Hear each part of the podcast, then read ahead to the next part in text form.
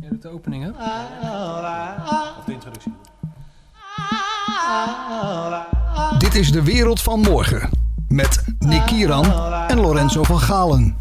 De podcast die zich verdiept in technologie en welke veranderingen dat brengt in de maatschappij. Een nieuwe Wereld van Morgen podcast. Het is ook weer alweer even een tijdje geleden, want de vorige is geloof ik weer een paar maanden eh, geleden geüpload. Eh, maar we staan hier weer vol goede moed, met mooi weer, dat ook. Eh, met z'n vier aan tafel. Ah, met airco wel. Ja, gelukkig wel. Eh, met jou, Nick, die hebben we net gehoord. En met Bob de Wit. Welkom weer. Ja, leuk te weten. Eh, maar vandaag ook met een andere gast. Want we staan met z'n vieren, niet met z'n drieën. Als Leonard ook wat zegt, dan weet iedereen wat die Ja, Leonard Witkamp. ja we staan- Welkom. Welkom. Dankjewel, dankjewel. Leuk hier te zijn. Mhm. En eh, zoals een goede host betaamt, eh, introduceren we jullie graag even. Eh daar heb ik weer een mooi stukje voor mogen schrijven. Ik begin met Bob. Professor Dr. Bob de Wit. Hij heeft eigenlijk geen introductie meer nodig in onze podcast. Hoogleraar aan Nijrode Business Universiteit. Directeur bij Strategy Works. Schrijver van meerdere internationale top managementboeken. Een advocaat tegen de duif... Ik bedoel de echte advocatuur. Eh, digitale transitie. Spreker, voorloper, Rotterdammer. En steeds meer betrokken bij deze podcast. Dus ik hoop dat ik mag zeggen, een goede vriend van de show. Nee, absoluut. Ja, nee, zo voel ik me zeker. Ja. En Rotterdammer, dat vergeet je te zeggen. Nee, dat want zei ik Nee, stond, stond tussen. Ja, ja, ja. ja, ja. Dat kan Ja, ik niet die- vergeten. Ja, Als Amsterdammer hoorde ik dat. Nou, die zit wellicht ook in de volgende introductie. Leonard Witkamp, bijzonder hoogleraar telemedicine, eh druk bezet man. Directeur bij het XIOS, zeg ik dat goed? Ja, Xios. Een telemedisch centrum.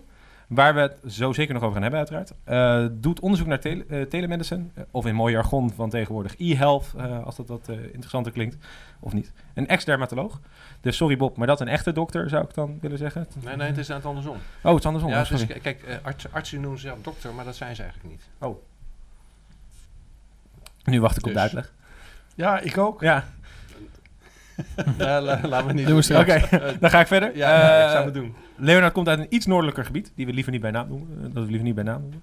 Nee, dat gaan we niet doen. Dat, Ja. eh, dat gaan we wel doen. We gaan niet, we gaan niet het Rotterdam-Amsterdam. eh, Nou, welkom in Rotterdam, welkom in de studio. Ik ben al, kijk, het is heel grappig. Hè? Iemand die in, in de grachtengordel woont, die doet altijd heel moeilijk over Amsterdam-Zuid. En iemand die aan Amsterdam-Zuid woont, doet nooit moeilijk over de grachtengordel. Zo is het ook een beetje tussen Rotterdam en Amsterdam. ja, precies. We hebben gewoon een heel groot minderwaardigheidscomplex hier, denk ik. Nee hoor, Of, helemaal niet.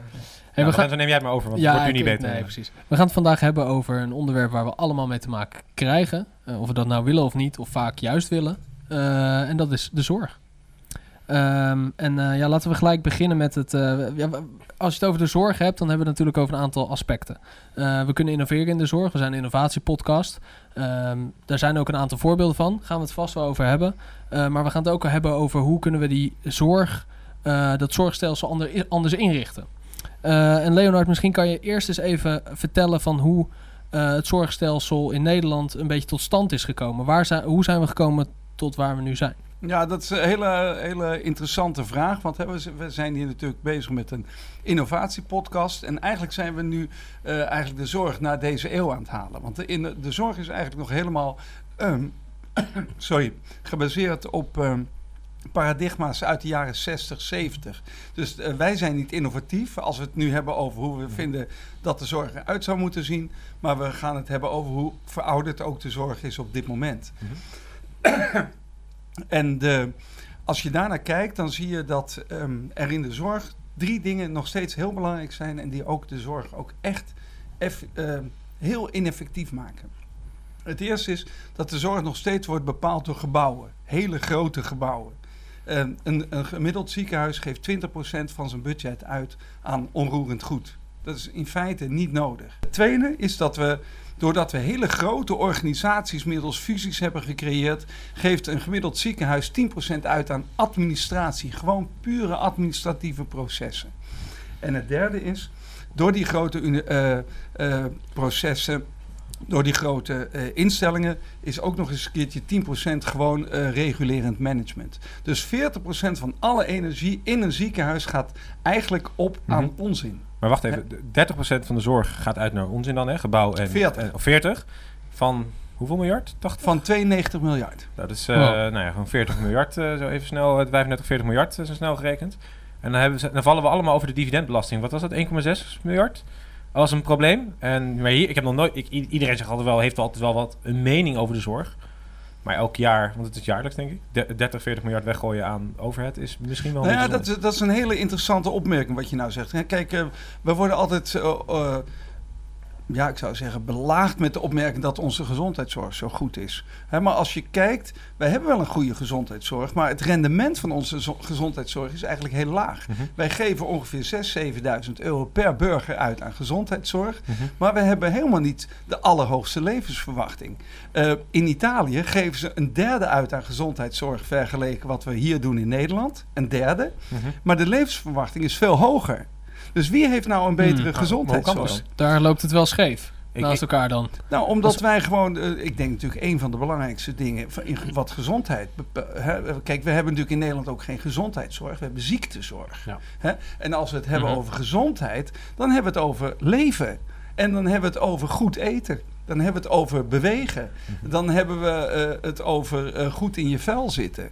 En dat doen ze dus kennelijk in Italië beter dan in Nederland. En nog erger voorbeeld is Amerika, waar ze per capita gewoon echt bizar veel uitgeven aan gezondheidszorg. Maar waar de eh, gemiddelde levensverwachting echt lager is dan in Nederland. En die nu aan dalen is. Dus een beetje vergelijking met auto's. Hè? Dus als je, als je er netjes in rijdt en je doet van tevoren doe je het onderhoud, dan heb je lage kosten van, van de auto. En als je er hard mee rijdt en, en niet kijkt en zo, dan heb je heel veel reparatie. Ja. En dus eigenlijk hebben we heel veel reparatie, we maken we heel duur. Maar we zorgen veel te weinig voor de preventie. Mhm. En je hebt volkomen gelijk, het heet, het heet een gezondheidszorg, maar het is eigenlijk ziekenzorg. Ziektezorg. Dat is het eigenlijk. Ja, dus daarom ben ik altijd eh, voor het eh, eh, ministerie van Ziektezorg. Maar is het onderzocht waarom het in Italië, eh, waarom die een hogere levensverwachting hebben dan hier in Nederland, terwijl er minder uitgegeven wordt aan, eh, Ja, aan maar de zorg? lekkerder weer en lekkerder eten denk ik. Nee, gewoon het echt echt, nou, niet lekkerder eten, gewoon beter eten. Puur gezond, eh, olijfolie Want en tomaten. o- maar obesitas, zo simpel is, Is het echt hoor. zo simpel? Dus zo simpel obesitas is nummer het. één eh, doodsoorzaak natuurlijk ter wereld. Ja, maar, maar da- da- kijk nou, nee, doodsoorzaak nummer één wereldwijd is roken. En, en dat is natuurlijk, als je, dat, dat, is ook zo, dat is ook een andere manier van denken. Er wordt nog altijd gezegd, hè, kanker is doodsoorzaak nummer één. Hart- en vaatziekte is doodsoorzaak nummer twee. Mhm. Nee, dat is niet doodsoorzaak nummer twee, eh, één en twee. Roken is doodsoorzaak nummer één. Dat dat een initiator is van het andere. Dat, dat is de oorzaak van een heleboel hart- en vaatziektes. Dus er wordt naar het eindproduct gekregen. Maar je moet natuurlijk, hè, en, en dat is het Mhm. nieuwe paradigma waar we het Ja, want de over auto is niet dodelijk, maar een slechte rijstijl is dodelijk. Juist. Om, Ja. die, om de eh, metafoor van Ja. Bob eh, Ja. te gebruiken. Ja, hè, en, en dus, de, de, dus de, wij zitten in, in de zorg, zitten we echt nog steeds in dat paradigma van de jaren 70 van gebouwen, administratie en management. Ik weet nog, toen ik eh, jong was, was niks mooier dat je manager werd. Eh, Was je een goed verpleegkundige en dat was de beste promotie en dan werd je manager. Nou, dan halen we dus die, al die goede krachten halen we weg. Eh, dat is een hele belangrijke. Maar daar, daar zitten we ook nog in het paradigma van ziekte. En ziekte, ja, dat, dat is niet meer het probleem. Eh, althans, eh, een genezing van ziekte is niet het oplossing. Uiteindelijk is het toch het voorkomen van ziekte Ja. de oplossing. Eh, dat wil ik toch van Bob weten. Ja, dat is de- dat is de preventie, Waar dat is de- jouw positie hier? Mijn positie hier? Ja, ik, ik ben erg benieuwd wat jij... Ik zie je zo kijken. Nou ja, ik, ik, ik, nou ja, je weet dat ik, ik, ik hou me bezig met al die nieuwe technologieën, met de Mhm. toekomst en, en, en zo. En er zijn natuurlijk heel veel technologieën die tegelijkertijd spelen.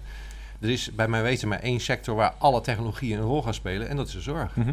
Ook in preventie, denk ik. Oh, en eh, preventie is een heel belangrijk ding. Hè. Dus je ziet heel veel ontwikkelingen naar preventie. Ehm, hè, bijvoorbeeld in China dan krijg je een chip in je, in je nek en dan word je Mhm. gekoppeld aan de computer. krijg je 20 keer per seconde krijg je te horen hoe het met je gaat. Wordt vergeleken met 3 miljard Mhm. mensen. En dan paar dagen van tevoren krijg je dan te horen dat je iets hebt of zo. Ja, dan krijg je bijna een soort predictive maintenance dataset op Ja. de mens. Ja, Eigenlijk Ja. wel op jezelf. Ja, je, Ja. Krijgt je, kunt als je dat wil, maar dat is natuurlijk een ethische keuze die je moet maken. Je kan in principe eh, real-time kun je informatie krijgen hoe je het ermee gaat. Die mensen kun, daar kun een je gewoon, keuze hebben. kun je gewoon downloaden, kun je kijken. letterlijk, dan- er, er is een virus gedetecteerd. eh, misschien is het handig om... eh, Ja, en de dokter in principe ben je dan zelf eh, kun je een keuze maken wat je, wat je daarmee doet. Mhm. Maar er zijn natuurlijk heel veel meer dingen, want dat, dat heb jij nog niet genoemd. Want dat is dat gedeelte. Het is heel slecht georganiseerd, dat is inderdaad waar. Het is op ziekte georganiseerd en niet pre- preventie en zo, dat is één ding. Maar daarnaast, de ontwikkelingen in de biotech zijn natuurlijk ook enorm. Ik bedoel, vandaag, eh, ik weet niet of je het ook gehoord hebt, maar vandaag heb ik gehoord van een of ander soort schimmel. Die was gevonden, gevonden op die beeld op Paaseiland. Oké. Eh, ja. en, en, nou ja, en, en dat blijkt dus, daar gaan ze nu een, een, een farmaceutisch bedrijf gaan een, iets van maken. En dan kun je tien jaar lang ouder, eh, ouder mee worden. Oh. Ik bedoel, dat, eh, biotech, biotech, dat is Mhm. ook de replicatie van DNA aan het Mhm. beïnvloeden. Dus alle technologieën zijn van invloed op de zorg. Maar Maar op het moment dat je zegt van eh, eh, olijfolie en tomaten kunnen ook, ik weet niet of dat tien jaar is, maar laten we er ook geen nummer aan koppelen, want het is denk ik een beetje een arbitrair getal. Maar stel dat je zegt van ehm, eh, tomaten en, en, en de juiste, de juiste voeding helpt met, met Ja. langer leven. Dan is de vraag natuurlijk, is dat het doel van de partijen die erachter zitten? Ik bedoel, ja, ik bedoel, als we langer leven, kost het ook weer meer. Hè? Ik bedoel, even, even de- als ik Nou, even scherp dat- mag dat- beginnen. ja, maar dat is altijd ook zo'n ik weet dat ik een eh, Eh, grote knipoog in mijn vraag hoor. Nee, maar dat is altijd, dat is altijd een argument. Hè. Dat is ook altijd dat men zegt met roken. Hè. Van ja, het roken Mijn moet moeder je... zegt dat, ja. Ja, dat- nou, want die mensen gaan dood, dus die kosten niks meer. Dat is onzin. Gewoon Mhm. die mensen ten eerste, die, die eh, oudere mensen kosten helemaal niet zo heel veel. En dan kunnen ze ook langer doorwerken. Mhm. Dus dat is echt een kul argument. Oké. En ehm, nee, dat, dat wou ik even nog... Ja, nee, maar- eh, Ja, het- maar goed, als we het hebben over de zorg, dan hebben we er altijd, en daar heeft iedereen er wel wat over te zeggen. Het is te duur of het is niet goed. En hoe kunnen we nou innoveren? Hoe kunnen we die markt nou anders maken? Maar als we het dan hebben over innovatie, hebben we het dan over bijvoorbeeld een zorgrobot? Is, is dat de Nou, oplossing kijk, ik- om het zorg... Ik, ik, ik wil daar wel iets over zeggen. Kijk, maar het, ik, ik ben het helemaal eens met Bob. Hè, eh, als we het gaan hebben over biotechnologie of Mhm. als we het gaan hebben over data mining, artificial intelligence. Maar ik zeg altijd, hè, beter is de eh, grootste vijand van goed. En als je nou kijkt wat er in de bankwereld is gebeurd en in de reiswereld en de, de retail, dat, dat, dat is men toch gewoon simpelweg begonnen met digitaliseren. Hè, oftewel, de klant dicht bij de aanbieder brengen. Ja, en, en, en al die tussenstations eruit halen. Nou, als je kijkt in de zorg, 50% is gewoon routinematig. Dus de 50% van alle patiënten die nu naar een ziekenhuis, polykliniek toe gaan, die kunnen gewoon op afstand geholpen worden door een, misschien wel een fysiotherapeut of door een artsassistente of door een optometrist onder supervisie van die medisch specialist. En zo breng je dus heel snel, heel dichtbij, alleen al door simpelweg te digitaliseren, die zorg dicht bij de mensen, zonder enige wachttijd. Kijk, en dat is al in het hier en nu. En daarom heb ik ook zoiets van, ja, zo innovatief zijn we niet. Want in andere sectoren gebeurt het al lang al. Alleen door de stroperigheid in de zorg eh, ja, gaat dat veel te langzaam. En dat is op zich, kun je daar ook ethische vragen bij stellen. Want daardoor gaan gewoon mensen dood. ja, maar komt dat dan weer dat de mensen in dat systeem, dat systeem gewoon lekker in stand houden, omdat ze daar... Nou, het, het, het gekke is, goed die zitten. mensen houden niet het systeem lekker in stand. Ze hebben het bijna zelf niet in de gaten. Hm. Hè, kijk, als ik met een zorgverzekeraar praat, dan zeggen, we, zeggen ze... Leonard, jij mag hè, met jouw Xios, mag je 5% groeien, maar niet meer. Maar dan zeg ik, ja, maar jongens, dan kan ik niet iedereen helpen. Daardoor gaan mensen dood. Ja, maar we hebben het geld niet meer, want we geven al het geld al aan dat ziekenhuis. Dus we hebben gewoon dat geld niet meer. Ja, maar met mijn teledermatologie kan ik meteen zien of iemand een moedervlek, of die kwaadaardig is, ja of nee. Ja. Hoeft die niet zes weken te wachten. Ja, we hebben het geld niet meer. En diezelfde persoon van die zorgverzekeraar, die stuurt mij s'avonds nog een foto van zijn zuster. Wat is er met deze moedervlek? Gewoon via e-mail. Ja, Hè? En Mhm. dus dat zijn twee werelden. En da- daarom probeer ik altijd dat systeem, dat vind ik eigenlijk al een verloren zaak. Het systeem te bevechten. Nou, ik doe dat al 17 jaar. Nou, bevechten, ik probeer mee te gaan. Het gaat langzaam. Oké. Nou ja, maar het, het is inderdaad een systeemvraagstuk hoor. Dat, dat- dat, dat, is, dat is echt wel wat het is. Kijk, als je aan, een, eh, aan Blockbuster video's vraagt om te gaan innoveren, dan gaat hij betere video's maken, weet je wel. Dat, dat is wat Mhm. hij doet. Mhm. En als je zegt van ja, maar het kan ook heel anders. Je kan namelijk een Netflix maken en, en een heel ander Mhm. systeem. Ja, daar komen ze helemaal niet op. Weet je wel, dat zit gewoon in het systeem. En wat nou in de gezondheidszorg hebben we gedaan? Hebben we een heel groot publiek systeem gemaakt. Helemaal dichtgetimmerd met regels en belangen en ziekenhuizen en overlegstructuur en zo. Die zitten allemaal het bestaande systeem daar vandaan te redeneren. En dat proberen ze dan te verbeteren met alle goede wil. ja. Maar digitalisering is een paradigmaverandering. En dan moet je dus anders denken. Nou. En wat je dan ziet, dat heb je wel eens verteld, eh, Leonard. eh, dan, eh, ja, dan kom je met een factuur aan. Ja, dat past niet in ons systeem, weet je wel. Ja. En dan zeggen ze niet van, nou, dat deugt er iets niet van mijn systeem. Maar jou, ja, hè, dan, dan moeten we maar stoppen met die facturen van jou. Het is heel moeilijk als je een dichtgetimmerd systeem hebt, wat eigenlijk publiek is. En dan is gedeeltelijk geprivatiseerd. Die hebben dan natuurlijk weer belangen om ook niet zoveel Mhm. te doen. En die worden dan de baas en die betalen, bepalen wie er gaat bepalen of zo. Ja, waar moet die innovatie dan terecht komen? Ja. Het, is, het is een helemaal dichtgetimmerd eh, systeem geworden. Maar, ook- even, even en- voor mij en voor de luisteraar. Eh, jij bent dermatoloog en je wordt betaald door wie? Als Nee, er- misschien, is- dat vind ik wel eens een hele aardige. Ja, om, want- ik zat ook te denken om eens een concreet voorbeeld Ja. te geven. Hè, kijk, ehm, eh, ik ben van oorsprong dermatoloog, maar ik moest zoveel patiënten zien en allemaal patiënten waarvan ik dacht van ja, wat doen ze hier? Ja. Ja, maar Eh, 90% die bij jou komen, die hebben niks. Nou, die, Dus daar word je de hele zo dag zeggen, je die heel- hebben wel wat heel verdrietig van. eigen beleving, maar die kan ik Mhm. heel goed door een, iemand in de, een huidtherapeut te laten eh, Mhm. zien. Bijvoorbeeld een moedervlek. een moedervlek en Ja. dan kijk ik op afstand mee. Dus wat doen wij nou bijvoorbeeld bij Xios hebben wij gezegd en wij zijn gewoon een zorginstelling, maar we hebben geen gebouw, we hebben geen administratie, we hebben geen management. Maar we werken met 13.000 zorgverleners. En dan zegt die patiënt die komt bij de huisarts. Die huisarts neemt een foto van die moedervlek en die legt die ter supervisie voor aan de dermatoloog, waar die patiënt anders zes weken op had moeten Mhm. wachten. Dat hele proces dat duurt vier uur. Dan heeft de Ja. patiënt in plaats van zes weken wachten, binnen vier uur heeft hij antwoord. Maar dat kan toch veel sneller? Je kan toch zelf ook een foto maken? Nee, ja, maar dat kan nog niet. Waarom Want, dan, nou laat ik het ook zeggen, binnen het huidige systeem worden we dan nog niet vergoed. Maar nou ga jij weer naar beter, is de grootste vijand van goed. Laten we nou even het hebben over goed. Nee, ik, Ja? kijk, ik kijk zonder die bril van de zorg. Ik ben geen zorgverlener. Nee, maar wacht even. Ik laat me even mijn verhaal eh, uit. Dus die patiënt gaat naar de huisarts, neemt een foto en die huisarts die krijgt binnen vier uur krijgt hij Mhm. een antwoord. Ehm 85% van die patiënten hoeft niet naar het ziekenhuis. Mhm. Dat is een enorme reductie. Ja. Hè? En die weten ook meteen wat er aan de hand is. Die huisarts hoeft alleen maar even te bellen. En over vijf jaar doet die patiënt het allemaal zelf. Dus dan krijg je toch gelijk. Oké, toch? Maar, hè, dus, dus dat komt wel. Maar wat nou, wij hebben nou bijvoorbeeld... Onlangs hebben wij 10.000 patiënten ge, eh, geanalyseerd. 7.000, daar deed de huisarts een teleconsult dermatologie... ter voorkoming van een fysieke verwijzing. En daar hoefde 85% niet naar het ziekenhuis. Maar bij 3000 gevallen had hij gezegd, zonder Xios had ik die patiënt naar huis gestuurd. Had ik, ik vraag alleen maar advies. Daar zitten drie melanomen tussen. Die mensen gaan dood. Mhm. Dus het is. Dit is allemaal hier en nu al mogelijk. Ja. Dus, en als je dit aan iedere gemiddelde burger vraagt, Ja, tuurlijk, logisch. die Ja. kiest daarvoor. Hè? maar, Maar toch mogen wij niet meer dan 30.000 patiënten per jaar doen. ja, maar dan heb je een ander probleem, denk ik. Want op het moment dat je een ziekenhuis in stand houdt, hè, of een stelsel van ziekenhuizen in Nederland, eh, die kosten x. Eh, zeg dat het eh 100 miljard is of 10 miljard, weet ik het.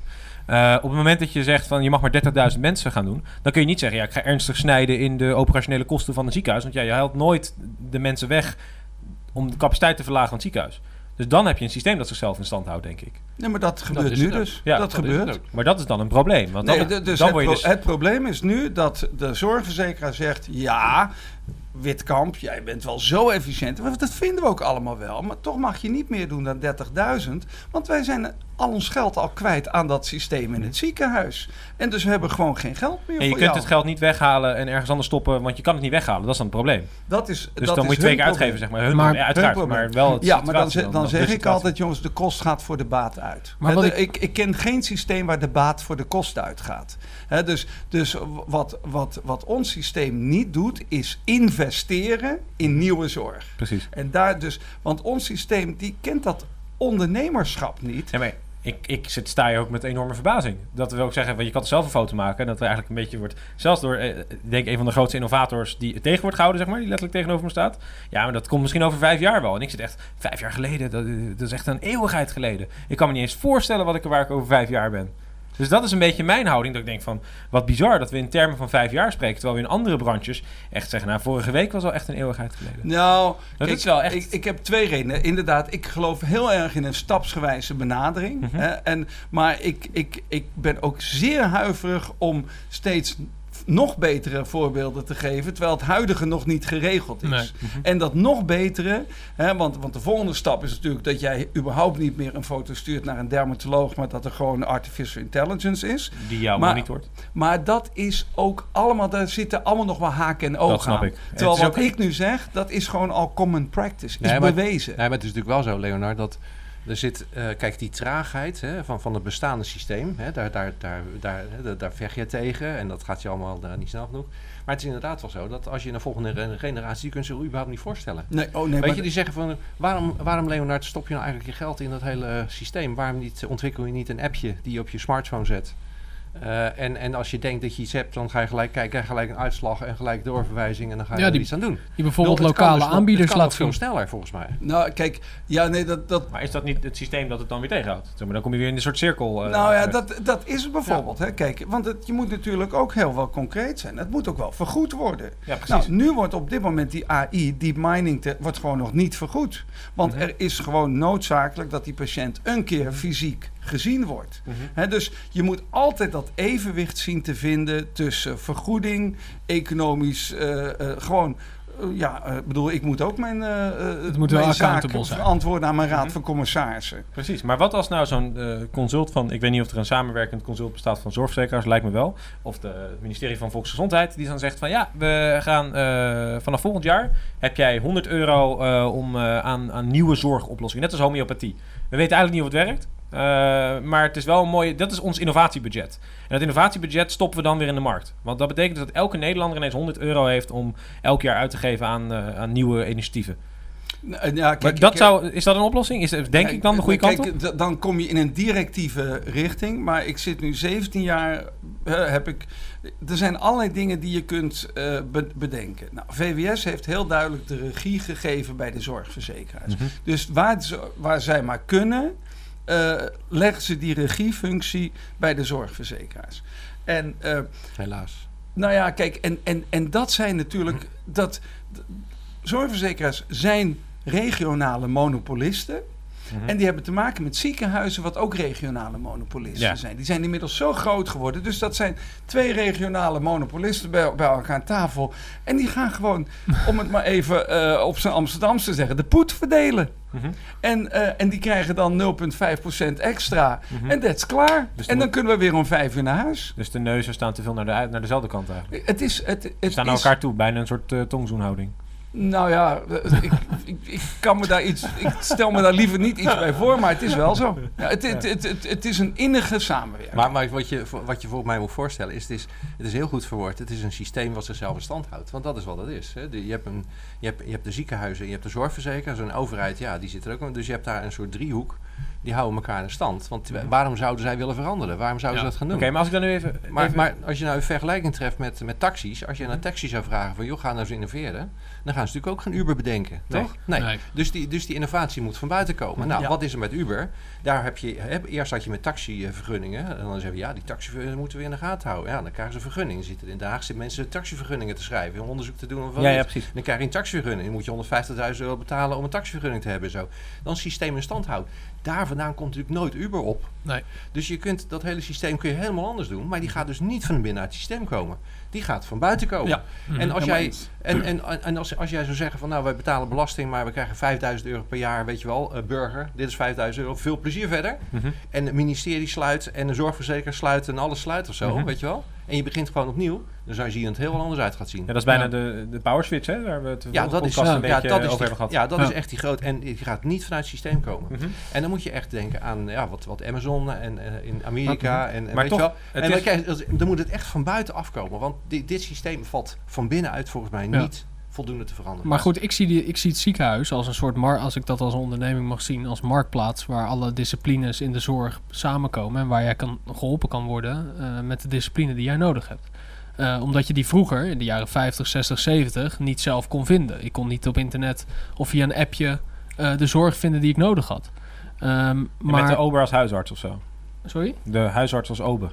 Als Want je moet, er Nee. naar verwe- ja, moet, je moet er naartoe gebracht worden. Je kan niet zelf naar binnen. Ik kan niet een ziekenhuis inlopen en zeggen... Nee, wat ik, Hé, hey, ik heb eh, volgens mij last van mijn arm, eh, zet hem even recht of zo. nee, klopt. Die, die huisarts zit daar natuurlijk Ja, voor als filter. Nee, maar kijk, kijk wat, wat we natuurlijk hebben, is wat in die hele digitalisering gebeurt, is dat gewoon stenen vervangen zijn door digitale netwerken.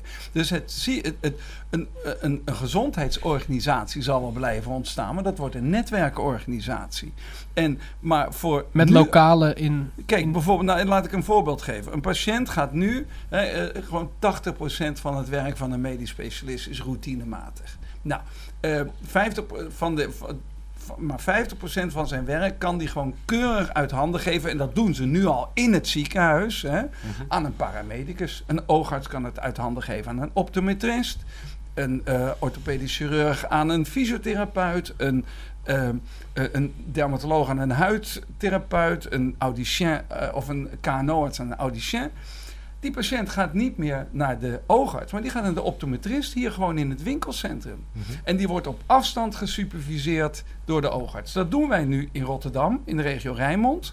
Mhm. Want als wij echt iets goed willen laten lukken, doen we het in Rotterdam. Want eh, dat, dat is Uiteraard. inderdaad niet lullen, maar poetsen. Wat, wat zei ik? Ik verstond het even niet. Als wij iets willen laten lukken, doen we het in Rotterdam. Nee, maar zo, Oh, wordt heel simpel. Nee, heel simpel. Dus dat maar, dit. eh, en, eh, maar, en, maar daar hebben we nu bijvoorbeeld 30.000 patiënten. Die worden door de huisarts verwezen niet meer naar de oogarts, Mhm. maar naar de optometrist. heeft er ook niet te maken dat er en- maar nee, één oogziekenhuis is hier? Nee, nee, er zijn vijf ziekenhuizen. Nee, en we werken met alle oogartsen. En eh 50% van die patiënten hoeft niet naar de oogarts toe. Dus dat is een 50% reductie. Stel je voor dat wij dit landelijk zouden doen, dan zijn alle ziekenhuizen failliet. Maar waarom ontstaan er dan geen collectieven met een aantal zorgaanbieders die de, die handen ineen steken en, eh, en, en zo'n app gaan maken? Je bedoelt een nieuwe eh, zorgverzekering? eh, bijvoorbeeld.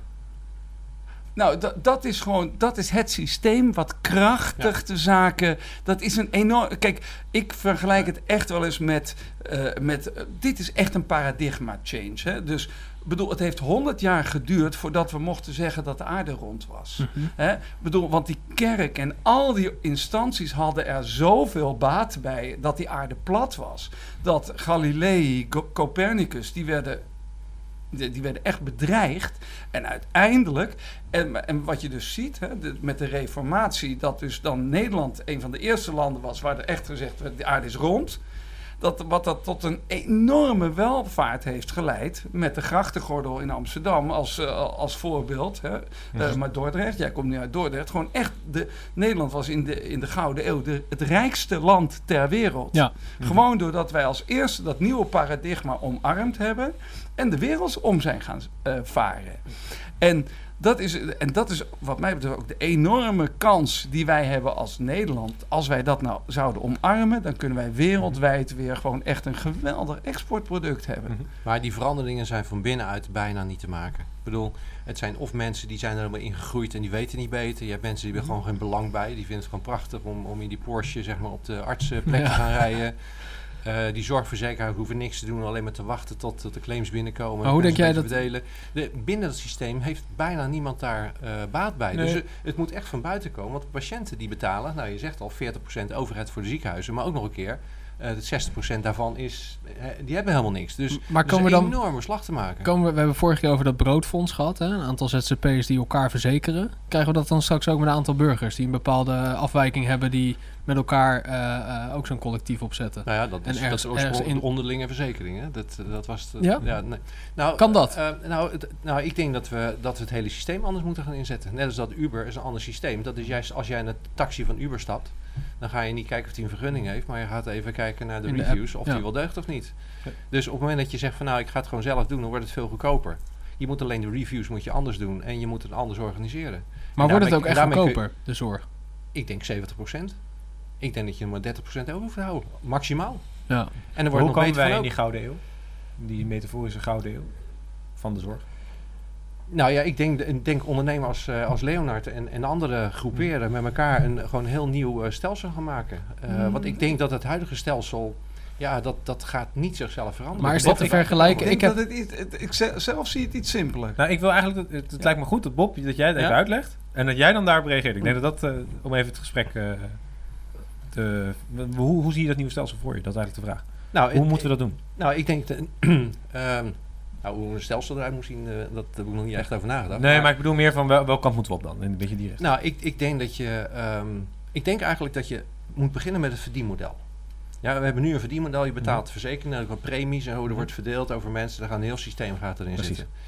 Eh, daar moet je vanaf. Als we nou eens gewoon beginnen met te zeggen van eh, gezondheidszorg moet gratis zijn. En dan gaan we even opnieuw denken hoe dat verdienmodel eruit ziet. Dus niet via kosten maken en, en premies of zo, maar Mhm. we moeten gewoon een heel ander verdienmodel. Want als je het we gratis maakt, heb je de zorgverzekeraar niet meer nodig eigenlijk. Nee, dan heb je gewoon al die Ja. partijen niet meer nodig. Dan begin je gewoon vooraf aan. En dan is Leonard de eerste die volgens mij, tenminste hoop ik dan, die mee gaat doen. Plus misschien een aantal ondernemers die ook in dit gebouw Precies. zitten. En dan eh, ge- geef je aan hun zeg van, stel nou dat het gratis is. Gaan ze daar bij elkaar zitten, hoe kan dat voor elkaar krijgen?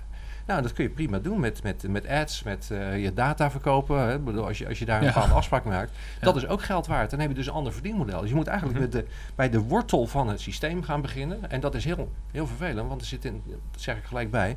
In de zorg zijn de meeste mensen die deugen gewoon echt. Ik bedoel, het zijn echt mensen die bezig zijn met gezondheid en zo. Het is, het is, dat is heel naar. Dat is niet in alle sectoren zo. Hè. Het rechtssysteem is wel anders. Maar in de zorg is het echt zo dat die mensen, die, die, willen echt mensen beter maken, de meeste. Ja. En die deugen. Ja? Daar gaan we Dus daar vind ik het vervelend voor. Alleen, het systeem zelf, dat moet op de schop. Maar hoe, Ja. hoe voorkom je dan niet dat... Kijk, nu zitten mensen ook aan een soort riem, hè. Dus dat, eh, als het helemaal gratis maakt, verdwijnt die riem een beetje. Dus dan kun je eh, van alles gaan bedenken. Is dat een, is dat, is dat een bedrijf Hoe bedoel je dat dat? juist een... Hoe bedoel je dat, Irene? nou ja, ik bedoel meer van een soort, soort, soort blokkade. Hè? Ik bedoel, als je, op het moment dat je zegt dat eh, je moet eerst door de, eh, door de, de poort van de Oh, dan zorgverzekeraar... wordt dat. Ja, ja. Oh, oh, nu? Nee, ja, in, Nou, in dat, de in, die- in nieuwe, nee, in die nieuwe situatie bedoel ik. Ja, in die situatie heb je geen zorgverzekering nodig. Nee, maar dan, kun je, dan zie je straks een, een- opkomen van, eh, van hele vakgebieden die misschien niet nodig zijn, omdat daar wellicht geld verdienen is. Dan trekt de, mar- de markt die nu, de- het systeem nu heeft misschien ook het effect dat er mensen gaan werken die echt deugen. En dan gaat dat effect misschien weg. Dat is een beetje mijn gedachtegang. Hmm, nou, is, nou, dat is maar de vraag. Het is, het is er een, ik denk als je in, de zorg gaat werken, in het oude systeem of het nieuwe systeem, dat het altijd mensen aantrekt die toch wel eh, betrokken zijn bij de gezondheid Mhm. van mensen. Dat zijn gewoon mensen, mensen, hè, Mhm. zoals ik het noem. En die gaan ook in het nieuwe systeem wel werken. Mhm. Maar het systeem zelf is natuurlijk ja, heel erg tegen de menselijke maat. Dus dan moet je eigenlijk helemaal opnieuw beginnen. Ja, want ik vind Laten we niet Ja, vergeten dat bijvoorbeeld een Facebook, die is ook gratis, toch? Je Ja, betaalt toch niks daarvoor? Mhm. Nee. En ze Nou ja. verkopen die data aan Coca-Cola, want dan maken ze een bepaald profiel voor jou en dat, en dat is geld waard. Ja, daar vinden we tegenwoordig heel veel van, maar we gebruiken Nee, het toch allemaal. nou, omdat ze het niet goed doen, omdat we er nooit over nagedacht hebben. Dus we hebben geen regulering daarvoor gemaakt. Mhm. dus dat komt allemaal wel. Maar als je wel een, goede, wel een beetje over nadenkt wat voor data je wel en niet mag verkopen, op welke Ja. manier en zo, dan zijn die data Mhm. gewoon geld waard. En dan kun je gewoon een, een ziektekosten of een, zeg maar, een gezondheidssector van financieren. Even één vraag. Wat gebeurt er als ik mij niet eh, verzeker? Mag Ik- niet. Dat mag niet, hè? is verboden. is verboden. Ja, dat Want is, eh, wat ik bijvoorbeeld doe, ik heb, ik heb het echt het allerlaagste Ik doe pakket. dit al twintig jaar. Eh, nee, nee, ik heb het allerlaagste pakket. Maar ik betaal bijvoorbeeld mijn tandarts eh één keer in het half jaar betaal ik gewoon zelf. Nou, dat is dat is 30 heel euro. aardig dat je dat nu zegt. En-. Kijk, want Ik betaal een heel laag Kijk, bedrag per maand. Waar Jij ik, rekent het waar gewoon ik, uit. Waar ik heel Ja. sterk in geloof is dat we niet moeten denken in systeemveranderingen. Maar waar ik heel sterk in geloof is dat je de consument moet benaderen, hè, de burger. En dat betekent ermee dat je, dat je dus. Eh, kijk, ik geloof niet in de maakbaarheid van een gez- gezondheidszorgsysteem. Eh, ik, eh, ik geloof veel meer in een cliënt, een burger, die kan beslissen wat hij wil. Ja. Hè, maar, en dat betekent dus dat we moeten beginnen bij het goed informeren van de burger. En, dat, hè, en dan zit ik eigenlijk alweer bij internet 1.0. Hè, Mhm. dat, is, dat is gewoon goede informatie verschaffen. Internet 2.0 is digitalisering. En 3.0 dat wordt dan veel meer artificial intelligence en data mining. En, maar op een goed moment dat een burger kan beslissen. Hè, jij bijvoorbeeld met je goedkoopste verzekering. En opeens heb jij een oogklacht. En dan, maar, dan word jij verwezen in Groningen door jouw huisarts. En dat kost jou zes maanden wachttijd. En dan ben je in dat ziekenhuis ben je 320 euro kwijt. Ja. En dan is er straks een aanbieder die zegt: Nou, weet je, je bent morgen aan de beurt. En eh, ja, je bent er niet voor verzekerd, maar het kost je 180 euro. Maar jij hebt een eigen risico voor een 1000 euro, want jij wil Ja. die goedkope premie hebben. Dan denk je, Mhm. nou, dat betaal ik toch lekker. Ja. Of je het nou links of rechts betaalt. En Ja. dus, dus dan krijg je veel meer die, die macht van de burger, die gewoon gaat kiezen voor wat hij de beste zorg vindt. Dan wordt het ook meer een onderneming, hè? Want dan, eh, En- en- dan is er vraag-aanbod. En, kijk, eh, en, en dan wordt het veel leuker. ja, Hè? En, en, en, en dan wordt de zorg weer leuk. Want de zorg is natuurlijk op dit moment geen pest aan. nee. Die gebouwen, dat zijn vervelende, nare gebouwen met allerlei vervelende, eh, nare koffie. Mhm. Corners en, dat Starbucks soort- eh, tref je tegenwoordig aan in een eh, niet na te noemen Rotterdam ziekenhuis. nou ja, dat is dan net iets wel, beter, eh, maar eh, met Oh, dan, wordt, dan wordt het maar zelfs leuk zilveren ziekenhuis. ballonnen, daar word je ook niet Maar vrolijk goed, van. die dat markt kan veel- triest, ja. Wat je wil zeggen, die markt kan veel sexier gemaakt worden. Die moet veel sexier. Die moet, en kijk, en, en die moet dus, en dat is een ander punt. Wat je betaalt, krijg je. Ja. Hè, dus wij maken niet van gezondheid een schaars goed. Wij maken van ziekte een schaars goed. Dus wij betalen Mm. voor ziekte. Terwijl we natuurlijk eigenlijk voor ziekte niet meer moeten betalen. En voor interventies. We moeten voor gezondheid gaan Ja. betalen. En we moeten dus niet alleen. Kijk, die dokter, die, dat moet straks geen genezer worden. Maar dat wordt veel meer iemand die gaat letten op de gezondheid van de burger. En die, die, die, die, die een soort coach wordt om die burger te, eh, eh, te helpen zo goed, leuk en gezond mogelijk door dat leven te komen. Maar op een goed moment, die burger is ook een zelfzorger. Die zorgt ook voor zichzelf. En die moet daar ook in gestimuleerd worden. Ja. Het mag natuurlijk best dat als iemand gewoon ja, toch stopt met roken, dat hij daar echt wel een benefit van mag. Die mag daar echt wel een sociaal klopje van op zijn schouder krijgen. Sociaal interessant is, dat is, je sociaal euro trouwens? Zo? Is een sociaal klopje, is dat eh, korting? Of is dat... Mag ook euro zijn. Ja? Ja, hoor, maar dan in een positieve zin. Hè? Maar als ik dit mag, wat Bob zegt eigenlijk, ik wil vanuit het systeem, hè, wil ik ook innovatie zien. Maar dit is eigenlijk meer van, nee, nee, we leggen het gewoon even terug bij ons, bij de, bij de zorgaanbieders. Wij moeten innoveren, zodat wij een beter antwoord hebben op het systeem. Nou, ik leg eigenlijk het le- veel meer bij de, bij de, Bij de burger. burger, de afnemer. Ik ben leggen bij de burger van jongens, ga lekker ja, maar de kiezen. burger kan pas kiezen op het moment dat er goed aanbod is. Ja, nee, die kan pas kiezen als hij kan kiezen. Als hij weet Nou, wat hij kiest. Ik denk dat hij het ook kan forceren, een beter aanbod. Nee, want Ja. ze weten het echt niet. Als jij nu, en dat is nu, de, dat is de overgangsperiode. Mhm. Als jij naar je huisarts toe gaat en je zegt: Ik wil graag een teleconsult. Sorry, maar dat doe ik niet. Want ik heb dat een paar keer gedaan, maar ik krijg zulke rare antwoorden. Nou, dan moet je dus met jouw huisarts gaan vechten. Ja. Of je het nou wel of niet wil. Met een Ja, telefoon terwijl je gewoon een telefoonlijn of een WhatsApp-lijn of een Tuurlijk. whatever. bedoel, ja. op een goed moment moet je. De, tijd is nu echt daar dat de burger gewoon veel meer geëquipeerd Maar, maar Leonard, dit, Is. dit hele gebouw waar we nu staan, eh, deze podcast opnemen, zit helemaal vol met ondernemers. Ja? Die zijn met allerlei dingen, nieuwe businessmodellen bezig, met hè, al- allerlei... En, en dat kan ook prima, want er is een markt en, en als er een betere aanbod is, dan komen ze er gewoon, weet je. En dat is gewoon... Maar ehm, het, probleem is natuurlijk dat het een gesloten systeem is en je komt er niet zomaar in. Het zijn natuurlijk partijen die elkaar tegen zitten houden. Stel dat hier dit hele gebouw helemaal vol zou zitten met zorgondernemers die appjes aan het maken zijn en eh, allerlei andere manieren. Dat mag toch helemaal niet eens? Ja, maken wel, maar exploiteren niet, denk ik. Ja, Nou, je, mag, nee, je mag doen wat je wil natuurlijk. Maar je Nou, komt nou kijk, er zijn bepaalde Nee. dingen die niet mogen. Hè? Want je Kijk, moet sowieso dat- betalen. Dus Kijk, dat inderdaad, kwijt. dat, dat, dat voorbeeld van hè, ik maak mijn foto van mijn moedervlek en die laat ik beoordelen op afstand, dat mag, daar mag je niks voor rekenen. Dat is gewoon verboden.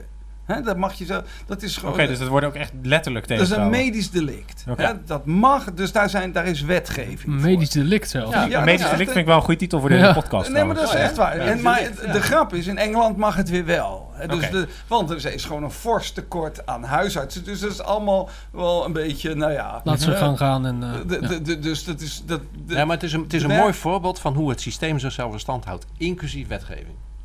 Ja, Ja, maar, maar wat toch ook, de- de- dat is een gegeven in de zorg. Hè? Dus dat is wat anders dan. eh, maar het is een beetje vergelijkbaar met de taxi. Hè? Ook, Ja. eh, Uber in Duitsland is nog steeds verboden. Mhm. Dat is natuurlijk idioot, maar het is zo. Hè? Dat, eh, ehm, en, of in Zwitserland, ik weet niet, maar een van die. In Amsterdam toch ook? In Amsterdam is het niet verboden. Nee, niet. Airbnb is... eh, Airbnb is wel verboden. Nee, is niet verboden, is gelimiteerd. Ja, is niet gelimiteerd. verboden. Hè? Maar Nog dat niet. vind, ik ook, dat vind ik ook niet erg, dat dingen gereguleerd worden. Want kijk, ik bedoel, het, het, het Airbnb is natuurlijk hartstikke mooi.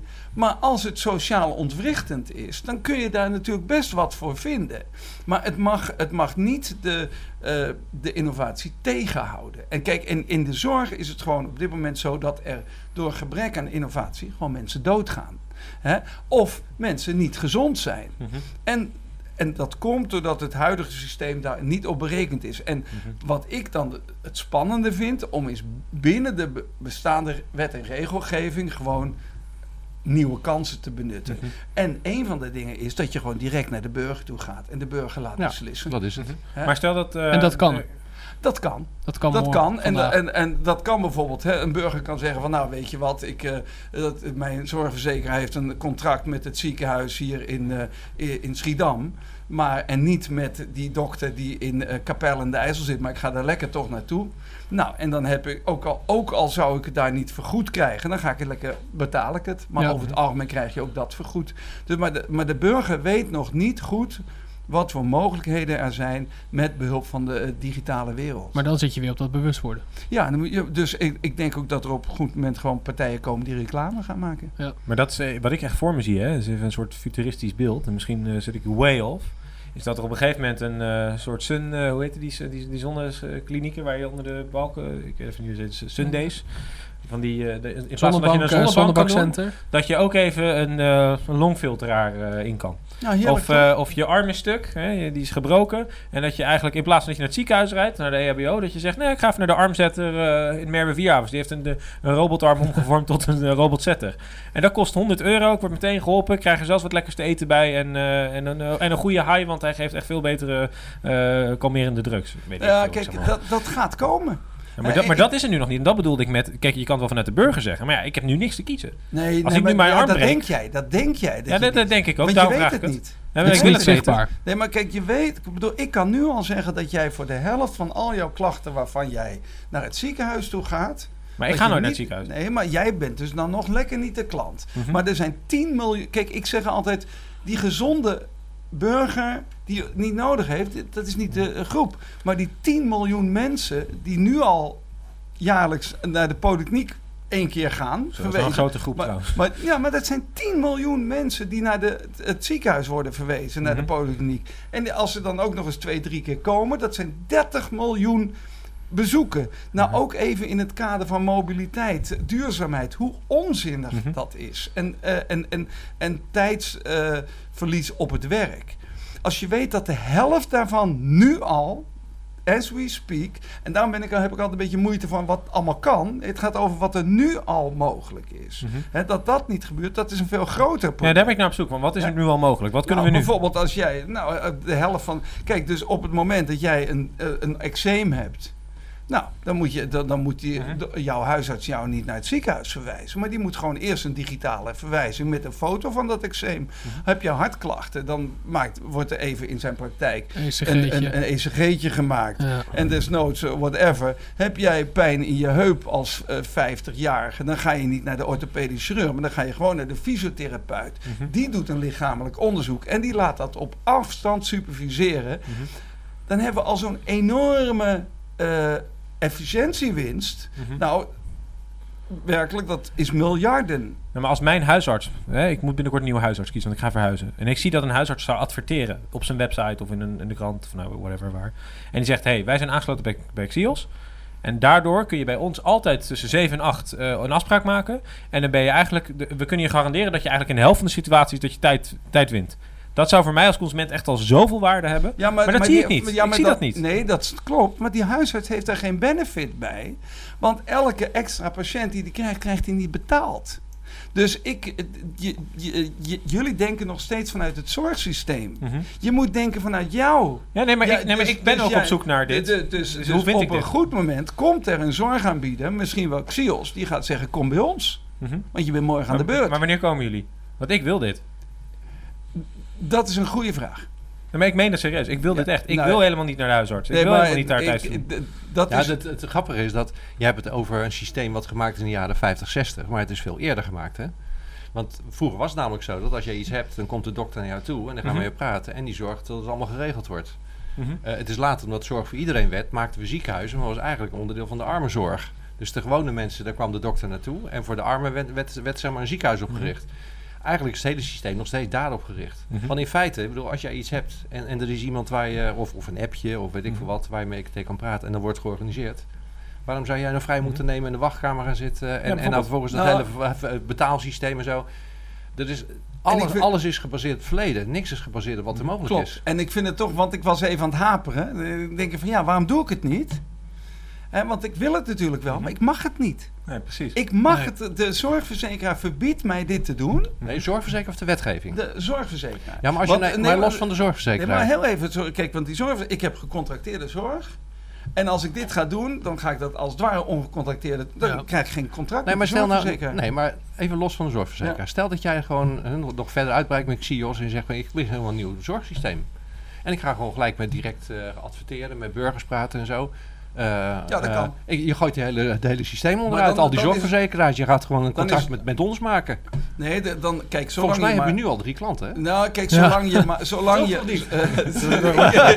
nee, maar ik, nieuwe ik- business. en ik vind het ook heel interessant hoor. Kijk, zolang je maar zorg levert volgens de zorgwet, hè, de- dat je gewoon goede zorg levert en hoe dat moet.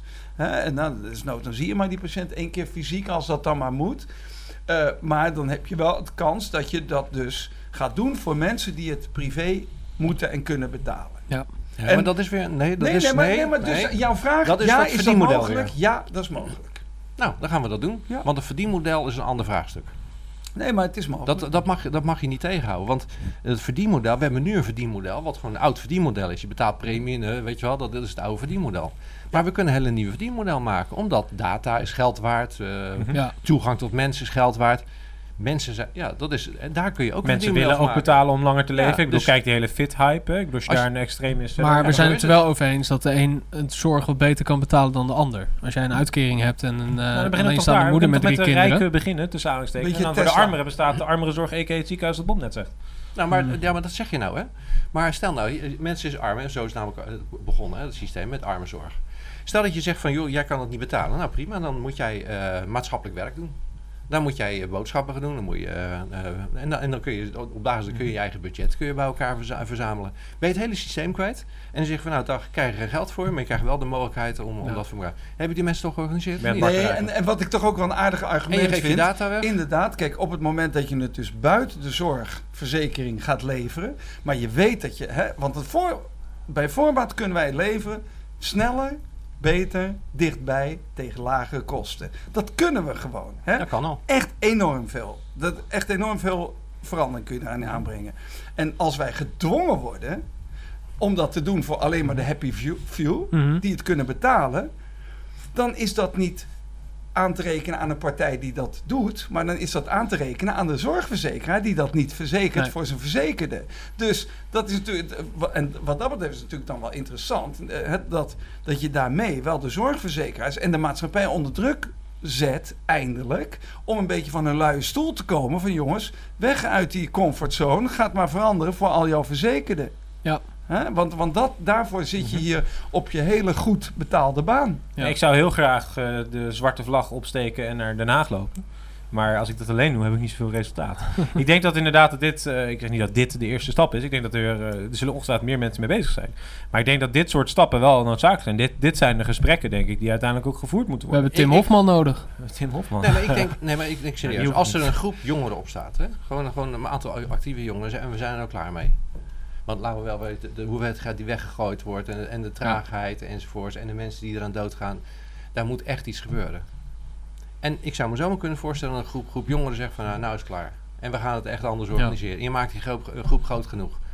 Ik weet zeker dat er mensen zijn zoals, zoals Leonard en ik en anderen, zeg maar, en jullie, eh, Ja, die zeggen, nou, we gaan, Maar we gaan, hebt- we gaan onze schouders Ja, maar je hebt een zetten. master track Dat kan Health? Economics. Heb je bij de Erasmus Ja, Universiteit. maar dat is ook old Maar- ja, maar waar Overigens. zijn ze? Nee, maar waar Nee, zijn maar die? Dat zijn toch mijn, die zijn toch mijn leeftijd? Nee, zijn dat, toch- is- maar dat zijn mensen die worden opgeleid om weer directeur te worden in zo'n ziekenhuis. Kijk, Ja. onderwijs loopt altijd achter. Behalve mijn Hè? Nijrode. Ja, nou, Ja, dat ja. weet ik niet. Ja, Ja, oké. maar kijk, onderwijs volgt de maatschappij. Dat is niet... Kijk, innovatie komt uit de maatschappij. Dat, dat komt uit... Ja, dat, dat is gewoon een continu borrelende put. Maar kijk, we hebben het nu inderdaad over, de, over de zorg. Maar diezelfde boosheid kun je natuurlijk ook hebben over het onderwijs. Wat ook gewoon volstrekt niet meer van deze tijd is. Kijk, en dat is natuurlijk toch wel het, het tijdsbeeld waar we, waar we in leven. Dat we op een hele hoop terreinen... eh, kijk, de advocatuur, ook Ja. bizar. Ja. Hè, ik bedoel, een, een, een rechtszaak die in totaal negen jaar duurt. Dat is krankzinnig. Terwijl je weet, als je daar data mining technieken toepast... dat je gewoon in, in, in, in, Ja, in twee minuten wat- klaar bent. Ja, maar goed, da- da- daar, gaan we hopelijk nog een andere Ja, keer daar voor. Ja, maar, maar, maar, Maar, maar, de rest, aan de eh, andere mijn kant- favoriet onderwerp. Maar, Ja, eh, maar we hebben op een gegeven moment toch een, een punt dat ik bedoel, Uber is wel opgelost. Het zijn ook gasten die komen ook uit een universiteit, ga ik even vanuit. Of, nou ja, ja, nou het punt daar is of een inrichting trouwens aan Uber. Ja. Het punt daar is natuurlijk dat er was niet zo'n groot opgetuigd systeem. Je had alleen maar taxivergunningen. En eh, weet je wel, dat, dat is moeilijker, om, om- Mhm. makkelijker om te doorbreken. Mhm. Dit is gewoon Nou, een heel groot minder complex. systeem. Precies. Met wetgeving erachter en grote Ja. zorgverzekers erachter, weet je wel. En, en het gaat over het leven Ja. van de mens. Dus het is, het is, het is moeilijker Heel dan, veel dan emotie en vertrouwen. En heel veel emotie en vertrouwen. Ja, dus het is protectie, moeilijker. eh, protectie. maar het Ja. kan wel, hè? Maar kijk, kijk, maar het is wel goed. Hè? Kijk, dit soort systemen werken allemaal waar het eenvoudig is en waar de consument kan zien wat het betekent. Hè, dus inderdaad, Uber, je weet precies wat die taxi is. Nou, ik geef dat ook aan in mijn voorbeeld. Ik was op een goed moment op een congres. Ik nam nog die ouderwetse taxi vanaf het, vanaf het airplane naar het congres. Ik was 38 dollar kwijt met, een, met, eh, met een taxichauffeur die alleen maar zat te bellen ja. in een oud brik. En mijn collega, 18 dollar, Huber, eh, hartstikke leuke vent, die hem, nog Flesje twee, erbij. die hem nog twee, eh, ja, en die hem twee eh, eh, restaurants heeft aangegeven. Ja. En dan daar. Maar dat verschil is ook echt Mhm. mogelijk in de zorg. Ja, en dat ga je dus pas zien als je die twee systemen naast elkaar hebt. Ja. Ja. Als jij een keer in de taxi Eens. zit en een Uber ziet, dan kun je het ook vergelijken. Ja. Maar je kunt die vergelijking niet maken. Ik, ik, ik zou er mijn centen op inzetten. Als we zo'n systeem zouden maken en mensen zouden het verschil kunnen zien, dan gaat het vanzelf ook lopen. En dan Ja. krijg je ook een bepaalde beweging tot, eh, op, eh, Ik wil even naar het eh, volgende onderwerp eigenlijk. Ehm, en dat is, eh, eh, we gaan natuurlijk een periode in waarin de zogenaamde babyboom-generatie waarschijnlijk een eh, frequent afnemer gaat worden van de zorg. We noemen het vergrijzing, we noemen het. Dus we, we gaan waarschijnlijk een stijging krijgen in het aantal zorgbehoef, beho- be- mensen die zorg behoeven in Nederland. Dat is een beetje een aanname hier die ik wil. Nee, eh, zeker. ik denk dat, dat, dat, je dat wel kunt zeggen. aanname, maar... Maar dan is de vraag: is dit niet gewoon een zo. Dat we hierna gewoon een generatie krijgen die nu al veel meer bezig is met die tomaten, die olijfolie, het stoppen met roken, eh, bewustzijn, krijgen die tools Die waar we het over hebben. is. Over tien jaar zijn er nog meer tools om de preventie te doen. Ja. Dat we op een gegeven moment dat het probleem zichzelf oplost. Dat we even door die zure eh, appel van de, van de babyboomer heen moeten. Nou, nee, kijk, kijk het, het, het probleem is. Het, het, het is wel geestig. Kijk, er is in feite natuurlijk geen probleem. Maar de, de grap is dat die babyboomer heeft het grootste probleem. Want, want die wil nu straks nog steeds goed geholpen worden. En de, de komende 10, 15 jaar wordt echt wel spannend wat dat Mhm. betreft. Ik denk dat dat op deze manier niet gaat lukken. Daarna gaat het probleem net zozeer als die hoge huisprijzen, dergelijke, als zij weer allemaal uitsterven, ja, dan, dan komt die jongere generatie, eh, ja, daar komt weer lucht voor vrij. Maar het, het punt is dat die babyboom generatie, die neemt nu zoveel energie weg van de hele samenleving, dat er geen geld meer overblijft voor die jongere generatie. Dus, en, en daarom ben ik het wel met jou eens, dat de, ik, ik denk echt dat de jongere generatie het echt wel eens wat meer voor zichzelf moet Ja, dat denk opnemen. ik ook. ja. Maar ik verwacht ook een soort revolte revolutie. Ik verwacht een Jean d'Arc millennial die de avocado omhoog hijst en, eh, en gaat roepen van ja, ik ga niet meer betalen voor de babyboomer. Jullie huizen zijn echt absurdistisch gestegen. Je, Ja. je plaagt me daarmee. Je plaagt me met je pensioen die ik moet betalen, met je AOW en met geen je vast- zorgkosten. Ja, we hebben Ik geen inkomsten, we hebben ik- geen vaste Ja, contracten ik heb geen vast contract. ik heb niks meer. Ja, ga, ga dan. Ik, anders ga ik wel emigreren. Ik, ik heb het wel eens genoemd aan de vooravond van maatschap- maatschappelijke Ja, revolutie. dat niet is misschien ook een beetje de verwijzing. Ja. Nee, maar het, Ja. het- het is wel leuk dat je dat zegt, omdat ik denk namelijk inderdaad, de tijd waar wij in leven is de uitzondering in de geschiedenis van de mensheid.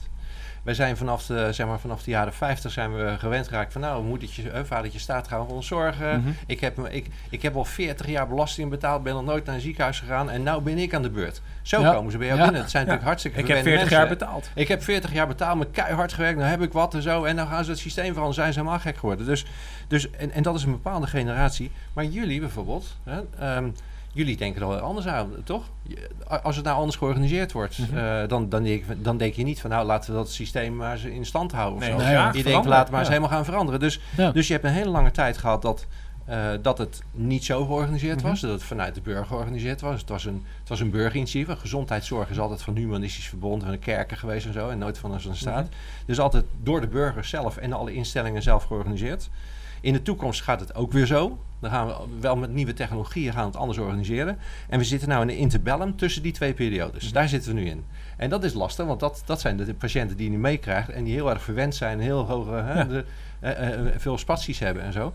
Dat is nu de, de situatie. Mhm. Leeftijd zelf is niet het probleem volgens mij. Het is wel dat het een grote groep mensen zijn die zorg gaan vragen, maar die heel verwend zijn en daardoor gaan ze zich moeilijk gedragen. Consumentisme. Ze zitten Ja. boven, ja, consumentisme. Je hebt bovendien een systeem dat er ook nog een keer faciliteert. Nou, dat is een dubbel probleem. Mhm. Maar daarna gaat er weer een heel ander systeem komen. Het is, het is echt een tussenperiode. ik, volgens ik, mij. zie, ik wil geen namen noemen, maar mijn oma. Ik zie eh, dat ze elke week naar de huisarts gaat. Hoe heet je oma? Ze woont hier verderop. Maar, eh, dus ik zeg het niet hard. Maar, eh, nee, maar die gaat elke week naar de huisarts met het kleine witte wasje. Want ze weet gewoon, ja, dat kost niks. Nee, zo is Ik, het. ik betaal er toch ook voor? Ja. zo is het. Maar zij kost echt geld. Echt, echt serieus geld. Ja. En ik, soms denk ik ook wel eens, dan zeg ik ook wel eens tegen haar van... Ja, moet je daar nou wel voor naar de, naar de huisarts? Ja, ik kan nooit... Better safe than sorry, weet je wel. Daar komt het dan neer. En maar dan kun jij bijdrage leveren. Als je wat meer aandacht schenkt aan je oma, hoeft ze niet naar de huisarts. maar ik, moet ik in geneeskunde gaan studeren. Nee, en dan de nee, huisarts nee, gaan. nee, eh. dat hoeft helemaal niet. Je daar toch een appje en die eh, goed. zeggen oma praat even in. Nou, zo, maar eh. oké, nu is het oké, even los van mijn oma. Laat het niet persoonlijk houden. Ik, ik wil namelijk een beetje toe naar de dokter Xander Koolman. Die Ja. in de Jordcast, een slechte naam trouwens, Bobcast, veel leuker. heeft gesproken over van... Ja, eigenlijk wil ik dat de, baby, de babyboomer heeft te veel geprofiteerd. Die hebben inderdaad een, een huis gekocht ooit voor, wat zal het zijn, 80.000 gulden. Nou, geprofiteerd vind ik een groot woord. Dat, maar nee, ze- ik, ja, ik, citeer, ik citeer, ik Ja. citeer Xander Koolman. En die zegt, ja, ze hebben een huis gekocht van 40.000 gulden. Eh, de overheid heeft een aantal, eh, of 80.000 weet ik het. Die hebben een aantal beslissingen gemaakt, waardoor het huis ineens 800.000 euro waard is geworden.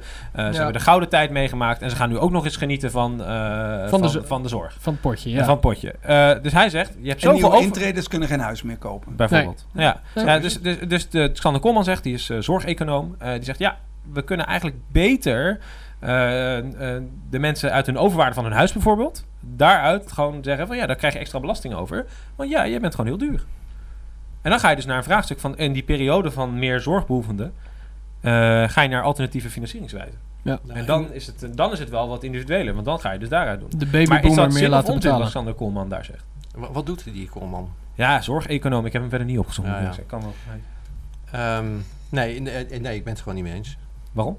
Nou, omdat, o- omdat dat, eh, dat, dat, dan hou je toch, dan ga je dus een, een, een, een verbetering, maar, of zeg maar een, een verdere ontwikkeling maken van het bestaande systeem. Zo dan kunnen we nog lang het- Ja, systeem in stand houden. Ja. En dat is, eigenlijk, dat is eigenlijk wat hij Het zegt. is een beetje het En, en, daar ben ik, en daar ben ik, gewoon, ben ik gewoon tegen. Want kijk, dan ga je eigenlijk zeggen van de mensen hebben het goed gehad. Nou, niet alleen die mensen hebben het goed gehad. Ik bedoel, iedereen heeft het goed gehad. En die artsen hebben het goed gehad. En die ambtenaren hebben het goed gehad. En iedereen heeft het goed gehad. En dan moeten de burgers weer gaan betalen. Ben je helemaal gek geworden? Ja. Nee, je gaat gewoon het systeem veranderen. Mhm. En niet een keer nog een keer de, de, de potjes van die burgers leghalen. Mhm. Moeten naar de burger toe en niet andersom.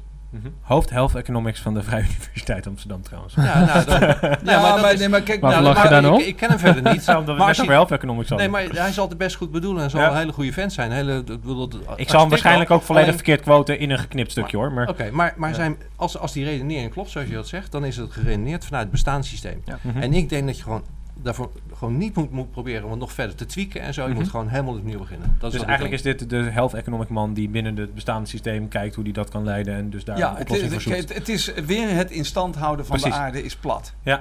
Ja, maar dat, dat, ik, toen Ja. ik dat, dat was wel grappig, want toen ik net die, toen die podcast een paar weken geleden voor het eerst hoorde, heb ik hem ook doorgestuurd volgens mij, nu allebei. Ja. Van dat ik zei, vind ik interessante gedachte. En nu denk ik bij mezelf met de introductie van eh, de afgelopen, wat Ja. is het, 35 minuten of zo. Mm. eh, dat, ik, dat ik nu denk ik daar wel anders over. Ja. En Ik heb er ook wel een heel ander beeld, eh, beeld bij. Ja. Leg uit.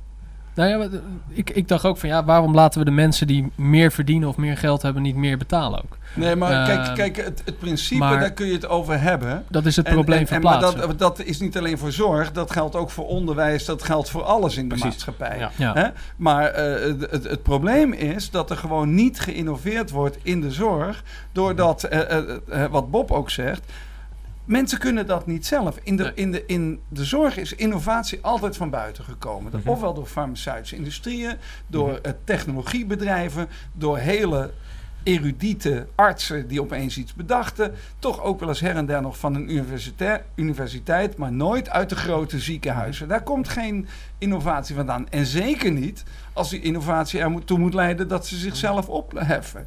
Mhm. Want kijk, we hebben, het, we hebben het bijvoorbeeld nu net gehad over eh, mijn standpunt dat 50% van de, ziek, van de patiënten die naar een ziekenhuis gaan, gewoon op afstand gezien kunnen worden. Maar diezelfde 50% die nu ligt opgenomen in een ziekenhuis, kan vandaag al naar huis toe. En moet vandaag naar huis toe, want heeft nu kans op ziekenhuisinfectie. Hè, in, Hmm. in Amerika gaan jaarlijks 170.000 mensen dood aan een ziekenhuisinfectie. Oké. Dat is toch wel heel raar als je weet dat gewoon met gewoon simpele digitale technieken mensen gewoon heel goed thuis gevolgd kunnen Dus ze hoeven eigenlijk al niet in het ziekenhuis te zijn dat gevaarlijk is, zeg maar. Dat is Ze moeten er onmiddellijk uit. Ja, want we hadden in het voorgesprek voor deze podcast hadden we ook, eh, als we het dan toch over de bedrijven hadden dat eh, Xios hebben, vond ik één heel interessant gedachte die eigenlijk deponeerde was. Ja, waarom ga je niet gewoon naar bijvoorbeeld apneu? Hè? Dat moet je volgens mij een nacht slapen in een speciale kamer met apparatuur. Waarom kan dat niet gewoon bij Van der Valk? Heeft Nou- Van der Valk weer een extra reden om mensen te, binnen te krijgen? Of bij mensen thuis. Of bij als, mensen als je, thuis, Als je nou ja. zegt, met mensen die hebben niet zoveel inkomen, die willen bijverdienen en je hebt een of andere vraag en aanbod. Een eh, Airbnb platform. eh, apneu. ja, eh. waarom niet? Wel, het is grappig dat je dit zegt, want wij doen dit. Hè, wij, Mhm. wij, wij doen dit samen met het Nederlands Slaapinstituut. Zeggen we gewoon, in plaats dat je dus met... Moet je je voorstellen, dan ga je dus nu naar een ziekenhuis toe. Dan krijg je enorm veel elektrodes Ja. op je hoofd. En dan moet je een slaaptest gaan doen. Nou, als ik bedoel, ik kan dan niet slapen. Nee. Nou, dan hebben wij gewoon een heel eenvoudig eh, apparaatje wat je, wat je opdoet, wat op een andere manier meet. Gewoon thuis slapen Mhm. en het wordt op afstand afgelezen en je kunt in 90% van de gevallen kun je precies dezelfde diagnostiek doen als dat je doet in het ziekenhuis. Maar is er ook een appje of niet soms? Tuurlijk. Nou. Kijk, dus dat is, het, het bestaat al. En, Mhm. Maar er zijn enorm veel belangen, want het levert dat ziekenhuis ongelooflijk veel geld op, zo'n Ja. onderzoek. Mhm. En, eh, nou ja, maar, eh, maar dat, is, dat is dan nog weer een economisch belang. Maar ik vind toch echt veel belangrijker nog dat ik wil die patiënten uit het ziekenhuis. Hè, jouw oma, waar je het net over hebt. bedoel, eh, nou liever naar de huisarts, maar liever helemaal niet. Nee, precies. Want hè, toen ik een in de opleiding was, zei de chirurg tegen mij: Leonard, je kunt beter met je blote vo- voeten door een mestvaalt lopen dan door het ziekenhuis.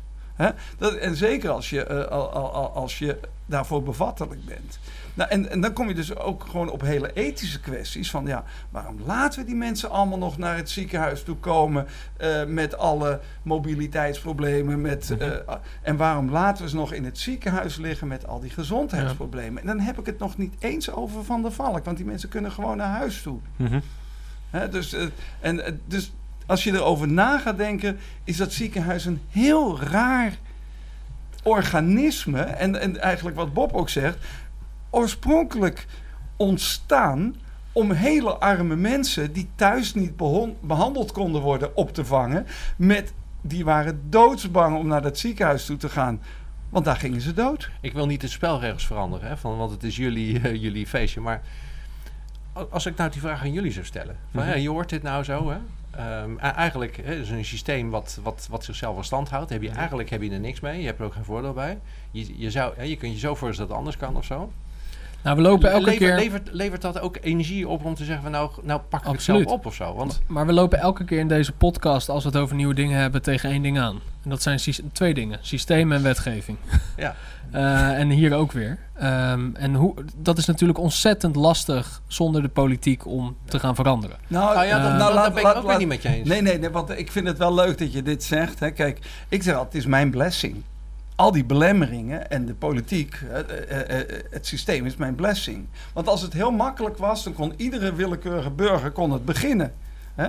Nu, voor mij, ja, dan praat ik even uit, nou, dan moet ik er nog even over nadenken. Dus ik heb altijd twee kanten, weet je, want dan Ja. heeft het toch een zekere intelligentie nodig. Wat je ook hebt is, ook in de zorg, het moet wel de tijd hebben om te veranderen. Mhm. Hè, dus, dus daar geloof ik wel in.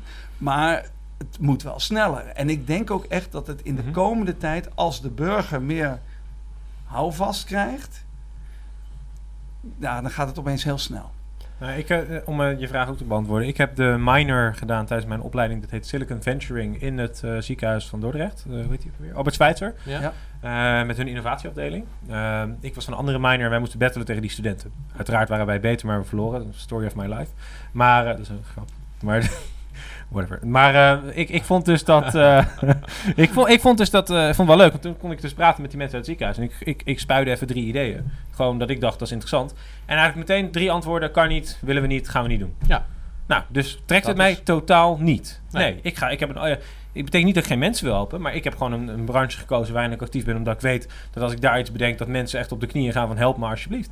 Nou, een van de grappige dingen, ik weet niet of je eh, Young Impact, ken je dat? Eh, Young Impact Celebration. Dat is zo'n Mm. En dat is ook weer zo- zo'n zo'n initiatief van deze tijd. Weet je? Dat, zijn, dat is een groep van jongeren en die Mhm. pakken dan goede dingen op. Hè? En, en, die, Ja. en, en dat zijn gewoon jongeren die eh, verzamelen zich en die verenigen zich en, die- en die gaan nou zeg maar, die gaan, het, die gaan ze als, als initiatief terugpakken. Dat zie ik eigenlijk een, een, een bottom-up initiatief vanuit de burger. Hè? Jonge burger die gaan zelf eens zeggen van nou, dit is de, hoe we het niet willen en we gaan nou zelf gaan we het initiatief nemen. Mhm. Want die politici die zitten in hetzelfde systeem vast. Ja. Je denkt dan niet dat een politicus zichzelf, politicus zichzelf Nou goed, gaat opheffen? Wat voor mij is, voor mij is, is de zorg ook een beetje een gesloten wereld. Hè. Ik, heb nu, ik heb nu een, wat meer inzicht gehad. Het heet een in, bastion. Ja, ja. Ja. zo, ja. Zonder. Gewoon een vesting. Ja. Hè? Het, is, het Ja. is heel lastig penetreerbaar. Ik, ik heb geen idee wat er achter die muren gebeurt. En eh, ja, ik lig eh, één, keer in het half jaar lig ik in de, in de tandartsstoel. En dan kijkt die man, ja is goed. En dan ga ik weer naar huis. Hè? Kiezen, kiezen op elkaar, ja prima, gaan we weer naar huis. En soms heb ik, heb nou, ik heb eigenlijk nooit wat eigenlijk. Nee, ik, ik kom niet voor een... eh, Nee, Voor iets je, anders weet je wat het beetje probleem is? Kijk, voor de, voor de meeste mensen, zoals, zoals jij en ik, hè, en, en voor de meeste dingen, hè, zoals, zoals bijvoorbeeld met je bromfiets vallen of zo, ehm, kun je het, heb je gewoon het systeem niet nodig. Hè? Je kunt gewoon on- onderling reageren. Het pro- probleem, en, da- daar komt natuurlijk de basis vandaan. Stel nou, je hebt een kind die die veel hulp, hè, vanaf de geboorte veel hulp nodig heeft. Ja. Of er, je overkomt een ziekte die zo duur is dat je... Dan wil je ook niet met z'n allen dat zo iemand daar dood aan gaat. Nee, Dus er zit iets van solidariteit. En wat nou het probleem is, is dat het hele systeem is gebaakt op solidariteit van iedereen, alles en iedereen. Dat is een heel groot solidair systeem geworden. Dat maakt een gesloten bastion, terwijl het eigenlijk maar gaat om een klein stukje daarvan. Ja. Als wij met z'n allen afspreken dat we 10% van wat wij betalen in een fonds stoppen, en dat is bedoeld voor mensen die, eh, die het minder goed getroffen hebben, dan is het probleem opgelost. That, that's it. Ja. En dan beginnen we gewoon met Ja. ondernemers en die gaan gewoon allemaal Mhm. en we Ja. schrijven een wedstrijd uit en we, en we gaan er iets moois van maken. En dan zeggen we met z'n allen, die wetten die gooien we weg. En eh, weet je, al die systemen gooien we weg. Ambtenaar naar huis, huppatee. Wat toch Beginnen wel gewoon. Z- Dat, dat ben ik met je eens. Hè? Maar even terugkomend op jouw punt van het raakt mij nog niet. Hè? Maar kijk, eh, het gaat je wel raken als jouw ouders, die waarschijnlijk... nou, het raakt me wel, maar ik, het is Nou, voor mij niet zichtbaar. Nee, Dat maar het komt wel als jouw ouders eh, het Ja. nodig gaan hebben. En dat je opeens ziet van ja, die, eh, ze moeten geopereerd worden en er is gewoon geen plek. Mhm. Hè? En, hè, en, en, en, en veranderingen komen som, worden soms toch ook wel geforceerd vanuit een hele, an- hele onverwachte hoek. Nou, Kijk, ik, ik kan me wel- voorstellen dat ik- heel veel onmacht... eh, Maar er zijn eh, toch nou, kijk, ik heb bijvoorbeeld wel eens gezegd... eh, innovatie zal enorm veel sneller gaan... als er opeens weer een bacterie komt... eh, die niet eh, uit bak- bannen is uit het ziekenhuis. Ja, maar ik heb net 170.000 Amerikaanse redenen gehoord voor iemand om boos te worden en op te staan. Ja, maar, Ja, maar dat is nog Ja. niet genoeg. Want het wordt niet... Het, het wordt een beetje als een feit gezien. Maar als jij weet... Hè, kijk, als, als hier op een goed moment... een hele eh, eh, nare MRSA... eh, bacterie is in Dordrecht... en het hele ziekenhuis moet plat... en het volgende moet ook plat... dan wordt het opeens een heel ander verhaal. Mhm. En, maar maar veel, veel dichter bij huis nog. Er is gewoon te weinig personeel wat Mhm. kan helpen. Dus er staan overal in Nederland operatiekamers die zijn gesloten, omdat er simpelweg geen personeel is.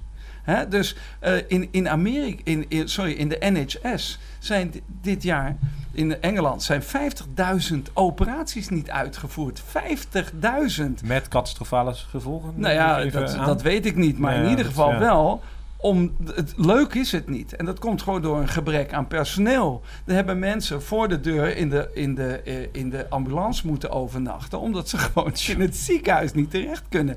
En, ja, en het, dat systeem is gewoon... In Engeland, NHS is al failliet. ja. Ja, in Amerika is het natuurlijk niet helemaal vergelijkbaar met het Nederlands systeem. Hè. Dus, Nee. hè, dus Ja, maar dit is NHS is, Amer is Engeland. En dat is Nou, heel goed vergelijkbaar met het Nederlandse systeem. dat is weer vergelijkbaar met het Eh, Nederlands Het systeem. enige verschil is eigenlijk dat het, ik bedoel, dat, dat de zorgverzekeraars er niet tussen zitten. Maar de NHS, dat is eigenlijk gewoon een publiek geleid zorgverzekeringsstelsel. Ja.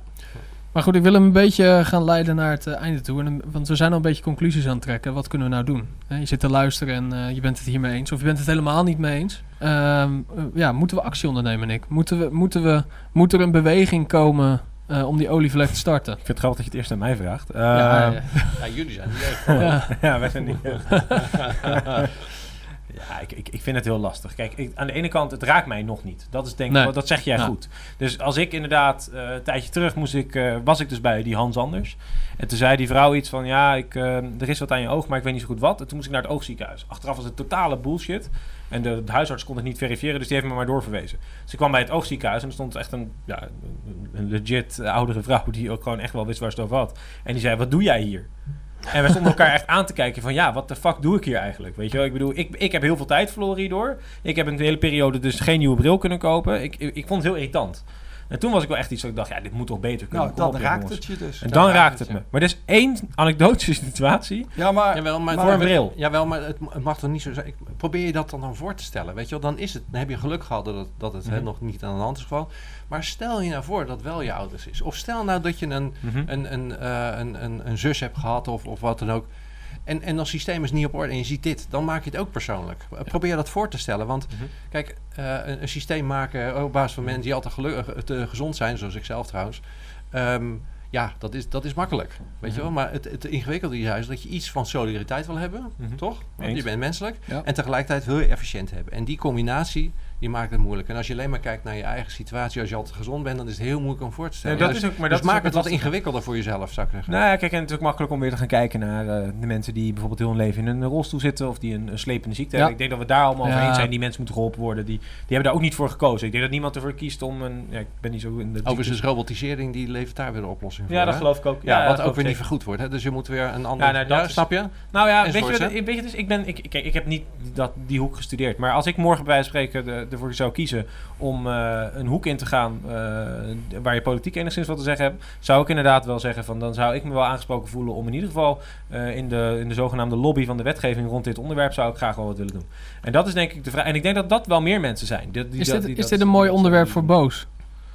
Tim Hofman heeft eh, mooi, eh, mooi, eh, een mooi bereik. En, eh, en hij Ja, vertegenwoordigt Tim Hofman is gewoon een de eh, jongeren wel. populistisch eh, versimplicerende gast eh, van maar ik publieke omroep. vraag. Wat ook overigens afgeschaft moet worden, maar dat geldt te zeggen. Nee, maar serieuze vraag. Nee, vind ik niet. Maar ik ik zou je wel. Dit, vertellen... dit moet liggen bij Jelle Klaver. Dit moet liggen bij... eh, Nee, joh. dit, nee, dit, Nee, nee, wel. dit moet, nee, nee, dit dat moet dat liggen... is, oude, dat is old school. Nee, ik Dat vind, nee, dat, oldschool. nee, dat vind jij- ik echt niet. jij- Nee, dit moet liggen bij een politieke partij die uiteindelijk moet zeggen van... Oké, als, je, als je voor ons kiest, dan gaan wij ermee aan de slag dat dit het systeem beter Nou, wordt. mag ik daar, ik, wil, ik vind dat wel aardig dat je daar iets over zegt. Kijk, wat natuurlijk. trouwens. Nee, maar kijk, hè, als we nou kijken, oh, je bent voor, ik bedoel, het succes van de elektrische auto in Nederland is alleen maar te danken aan subsidies.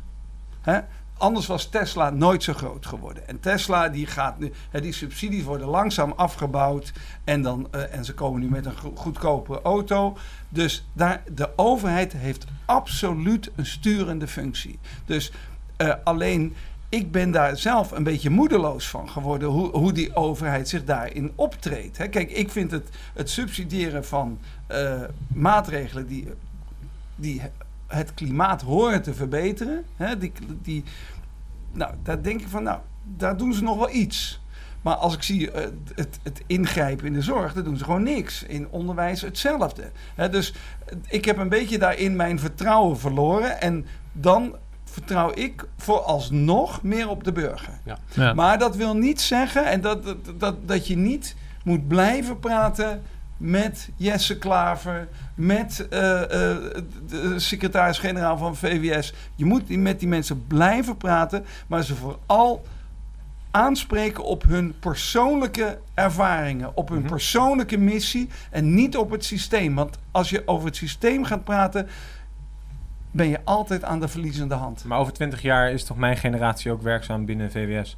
En dan zul je toch ook vanuit die organisatie op een gegeven moment de punt krijgen dat ze denken van ja, waarom eh, zijn al mijn vriendjes van de opleiding die ergens anders werken wel heel digitaal bezig en ik niet? Nee, maar dat ziet er in- over twintig jaar echt heel anders uit. Want het systeem is gewoon niet vol te houden. Ja, maar en, en weet je, die politici, ik, ik ben het helemaal met je eens. In het ideale geval zijn dat de mensen die namens de burger de dingen voor elkaar moeten krijgen Mhm. enzovoorts. Alleen die, de politiek systeem, hè, niet de politici als Mhm. individu, maar het systeem zit namelijk in hetzelfde, Mhm. eh, in dezelfde gevangenis. Die ga je ook niet veranderen. Je moet precies wat Leonard zegt, je moet de mensen individueel praten. Hè? Jij als, als mens, jij hebt ervaring in je privésituatie en wij willen het anders gaan doen. Niet als politicus, maar jij zit aan de politieke knoppen en als persoon willen we dat je iets gaat doen. Want het, het gaat niet vanuit de politiek komen. Het moet vanuit Het ons gaat komen. vanuit de mens komen. Het moet vanuit de burger komt komen. echt vanuit de mens. Lorenzo, wat ga jij doen?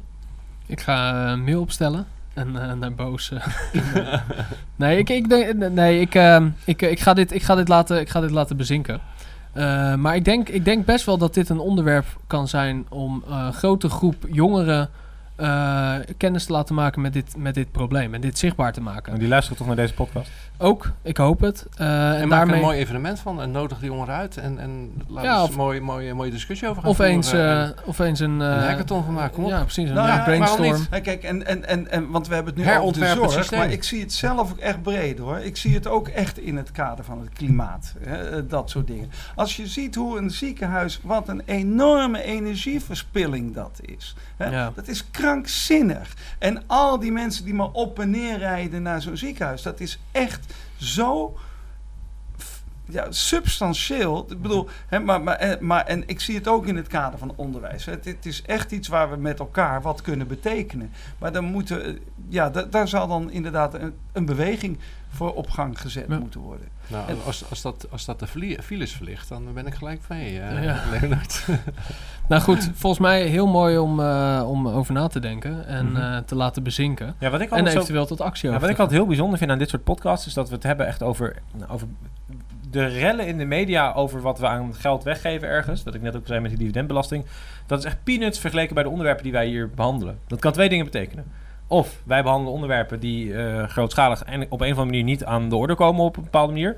Hoe zou Eh, dat nou komen? Ja, of we zitten er gewoon 30 miljard naast, zeg maar. Dat is, dan, dat is een beetje de... dat laatste nou, in ieder geval niet. Nou ja, dan, Dat laatste echt niet. maar dan is het voor mij in ieder geval, hè, als, eh, als, als, als, als buiten het systeem staande ja, burger, zou ik maar zeggen.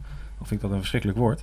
Eh, dan denk ik bij mezelf van ja, waar, waarom? Hoe Nee, kan dit? Nee, maar dat, dat is... eh, Bizar. Ja, maar dat is ook waar, waar ik me altijd eh, over verbaas, moet ik je zeggen hoor. Want echt de grote onderwerpen is dat, dat we hele grote veranderingen gaan in de zorg, in onderwijs. We moeten het daarover gaan hebben. En als je kijkt wat er besproken wordt in, de, in de media, maar ook in de Tweede Kamer. Dan gaat het in de- inderdaad over de dividendbelasting. Nou is de dividendbelasting een ander probleem. En dat is namelijk dat, hè, nou, dus... ehm, Ja, goed. Maar, maar, maar dat is een ander, ander, ander, probleem. Eens, maar, maar, het gaat meer om het feit dat het, het ene is 1,6 Maar het en het minder is geld. 40. Nee, dat klopt. bedoel ik meer. Nee, maar kijk, dividend is een, is een principieel probleem. Er zijn mensen die Mhm. hebben iets gedaan zeg maar, tegen de burger. Mhm. Dus een principieel probleem. maar dan, niet- dan kosten onze niet principes in dit geval 30 miljard. Maar in dit geval is het gewoon een systeem wat in stand houdt. Dat is, dat is niet principieel. Ja, ja, want die en mensen dan- en binnen- dan- en dan- bedoelen het principieel goed, maar dat is eigenlijk niet, niet goed. En omdat gewoon heel simpel, die mensen, die 30 miljard, die gaat voor een groot gedeelte naar die mensen toe die Mhm. besluiten hoe de zorg er in de toekomst uit gaat zien. Ja, precies. En en dat is, die hebben er te veel baat bij. Mhm. En eh, ja, dat, ik, ik heb laatst een verhaal gehouden over on- eh, vastgoedondernemers in de zorg. Hè. 85% was vastgoedondernemer in de zorg. En 15% was, eh, die moest zorgen dat die zorginstellingen niet te veel betaalden. Mhm. En ik heb mijn verhaal. Ik vond het al heel dapper dat ze mij daar uitnodigden. En ik heb natuurlijk. Want Bij de Maserati-dealer was nou dat... ja, eh, nee, nee, mijn- mijn- mijn, mijn, stelling is gewoon in 2030 bestaat het ziekenhuis niet meer. Nee, dus precies. jullie gebouw bestaat niet meer. Mhm. Maar daarna ook geen één vraag. Hè? Want er- ik stond zo ver van hun werkelijkheid. Ja. Niet één vraag. Dus toen heb ik hun maar gevraagd van jongens, nou oké, dan heb ik een vraag aan jullie. Hoeveel betaalt nou een gewoon ziekenhuis aan vastgoed? Mhm. 20% van zijn omzet. Dus een ziekenhuis wat Bizar. 200 miljoen omzet, betaalt gewoon 40 miljoen per jaar aan stenen, eh, energierekening, afschrijvingen, onderhoud. Wat in de digitale wereld niet. Maar, betaald de- hoeft te maar worden. de- wacht even, de- als ik kijk, denk even aan een normaal bedrijf, een kapper of zo, die betaalt volgens mij minder dan 20% als een vastgoed. Ik weet, ik heb, Tuurlijk, ja. Nee, Dus- maar, maar, ja. maar, Maar dat, kan dat- niet overleven, hè? dat is Nee. een uh, marktwerking. Dan is die klaar, zeg maar. Ja. Nou, Maar het grappige vind ik wel, dat, wa- precies wat jij zegt. Eh, want ik geef veel lezingen hè, over, Mhm. over dat onderwerp. Het is heel grappig om, om te kijken waar die vraag vandaan komt. Dat is heel, heel kenmerkend is namelijk. Omdat mensen die denken van nou weet je, die, die de Wit moet maar niks zeggen. Want die gaat, ik weet wel ongeveer wat hij gaat vertellen over de toekomst en digitaal en zo. Dat is niet mijn belang en ik word gewoon niet uitgenodigd. Nee. En sommigen wel en dan willen ze graag horen en dan ben je in gesprek of zo. En je ziet al gelijk welke partijen dat eh, wel en, en niet acce- accepteren. En ik zal niet zeggen wie niet of zo. Maar grappig, grappig genoeg, in de zorg zijn er dus wel veel uitnodigingen. Dus, daar er zijn, ja, dus, zijn wat, dus wat, ja, wat mij echt opvalt, ook ondernemers, hè? Gewoon ook ondernemers, eh, producenten van apparatuur, van, van, Mhm. hè, van dat soort dingen. En die nodigen me wel uit. Ze zitten Ja. in systemen, ze nodigen me wel uit. En, en dat is voor mij de hoop die erin zit. Nee, mij ook. Volgens mij kun je meer mensen mobiliseren om een systeemverandering te maken dan in heel veel, laat bijvoorbeeld het rechtssysteem. Dat is voor mij een onbe- onbegonnen zaak. Maar in het zorgsysteem, daar zijn gewoon partijen die willen gewoon, omdat ze dat willen, omdat ze het goed vinden van de mensen, omdat ze eigenlijk gewoon goed willen doen. En die hebben ook alleen maar last van het systeem, die kun je voor mij echt achter je scharen. Absoluut, dat denk ik ook. Het, eh, individueel wil iedereen. Dus dat is eigenlijk die rare eh, tweedeling die Ja. er is. Hè, dus, je, dus vanuit het systeem is het heel moeilijk te benaderen, maar vanuit iedereen individueel. Maar iemand moet beginnen. Iemand Ja. moet beginnen. Alleen wat je zegt over die, ehm, over die lezingen. Hè? Ik bedoel, of dat nou dat ze niks vragen of dat ze het niet willen zien. Ik denk dat op een gegeven moment eh, de mensen die dansen worden uiteindelijk voor gek verklaard door de mensen die de muziek niet kunnen horen. Eh, en ik denk niet dat het kunnen is, ik denk dat het willen is. Zoals jij 20% van 90 miljard elke maand. eh, Het is een combinatie. Ja, En het is echt een combinatie. Er zijn mensen die het niet willen en er zijn ook mensen die het niet kunnen. Dat is, het is voor mij allebei. ja maar, maar een vastgoedondernemer vindt het denk ik wel prima. Nee, ja, tuurlijk. Nee, Ja? dat klopt, ja. Maar er zijn ook eh, ondernemers en die, die maken bijvoorbeeld, die innoveren in, in, in protheses en dat, dat, daar zijn ze echt Mm. druk mee bezig. Mhm. En die balen ook van het systeem. Want er moet, die moeten ook al die bonnetjes inleveren en, Ja. enzovoort. Nou, die hebben er ook last van. Dus als je zegt van joh, we gaan het anders doen, nou dan zijn ze de eerste die het doen hoor. Ja, maar de grootste innovatie die ik bij de zorgverzekeraar heb gezien... is dat ik nu met een app een foto kan maken van mijn bonnetje. Ja, Dat is de grootste innovatie die ik heb gezien. Ja, dus Terwijl- ja, jaren 80 innovatie. Ja, ik, Ja. ik dacht, nou knap hoor. Ik bedoel, ja, bijzonder, gaaf. Ja, Dus, Ja, boeien. Ja, Ja. ik dacht, oké, dat kon dat nog niet, bizar. Want ik, ik ben dus nooit gebruikende van zorg. En de, vervolgens kijk En ik ook naar... niet van bonnetjes, denk ik. Nee, ja, Nee. eigenlijk niet. Nee. Maar eh, vervolgens eh, denk ik bij mezelf, ja, weet je, dat- wat ik echt zou handig vinden, is als er morgen de No-Nonsense Millennial Zorgverzekering BV opkomt. En die zegt, ja, homeopathische therapie, dat zit er bij ons niet in. Eh, fysiotherapie heb jij niet nodig, want je bent, daar kan je zelf op. En dat is gewoon dat ze dan zeggen, oh, oh, je, je maakt nooit gebruik van zorg. Maar ja, goed, dat kan niet, want dan heb je dus weer het probleem van, hey, we hebben ook nog andere mensen die het wel gebruiken. Ja. En ik hoorde dus, eh, in het voorgesprek hebben wij het er ook over gehad, dat soms, ik, we komen weer een beetje op zorgverzekeraars uit, maar dat er dus soms dingen worden toegevoegd aan de zorgverzekering om er mensen over te halen om bij die zorgverzekeraar te komen, terwijl ze effectief eigenlijk niks... Nou ja, dat, dat, dat is een beetje ook. Hè, kijk, als ik die, die sentimentele reclames aan het eind van het jaar zie om maar Precies. over te stappen. Ja. En wat totaal niet over zorg gaat, dat is voor mij altijd Mhm. wel een, eh, een, een, een- een punt van Mhm. ergernis. Ja, hè. maar Kijk, mij wordt Want verteld... er wordt natuurlijk helemaal niet geko- ge- eh, eh, bedoel, die polissen zijn volstrekt niet doorzichtig. Mhm. Hè? En het wordt totaal niet geconcurreerd op zorg. Dus wat dat betreft, die marktwerking tussen zorgverzekeraars onderling, ja, dat vind ik altijd een beetje flauwekul. Ja, maar ik vind dat interessant. Want stel dat er nu een, dus die zorgverzekeraar waar ik het net over had, zegt van ja, bij ons eh, eh, betaal je net zoveel als bij de buurman. Maar je hebt al die andere dingen niet. En dat geld kunnen we investeren daardoor in partijen als eh Xios, eh, Ja. die dan eh, meer Ja. ruimte bij ons krijgen. Ja. Doe maar. Maar dat zou denk ik een mooi... Dat is een oplossing waar je aan de ene kant nog wel binnen het systeem valt... en aan de andere kant ook nog wel mensen mee kan krijgen. Ja, ik denk maar, dat, maar, da- maar daar zijn ze. Mijn ervaring is dat, dat nou, ik moet de eerste nog ontmoeten. nou, die moeten wij dus beginnen. Dat is Ja, die punt. moet je beginnen. Nou ja, dat, dat zou heel spannend zijn. En er zijn wel eens lukt, hoor. initiatieven geweest hoor. Maar, maar, maar ook dan weer heb je hele rare, binnen dat systeem weer hele rare eh, perverse prikkels. Hè, dat juist, stel dat wij door onze innovatie zouden, eh, eh, heel veel op diabetes zouden kunnen Mhm. verbeteren. Hè, dan door, allerlei vereveningsmethodieken binnen die zorgverzekeraars onderling.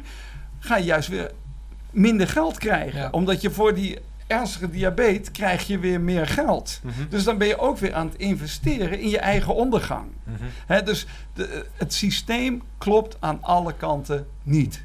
Zo simpel is het. Het is Goed nog maar klopt niet.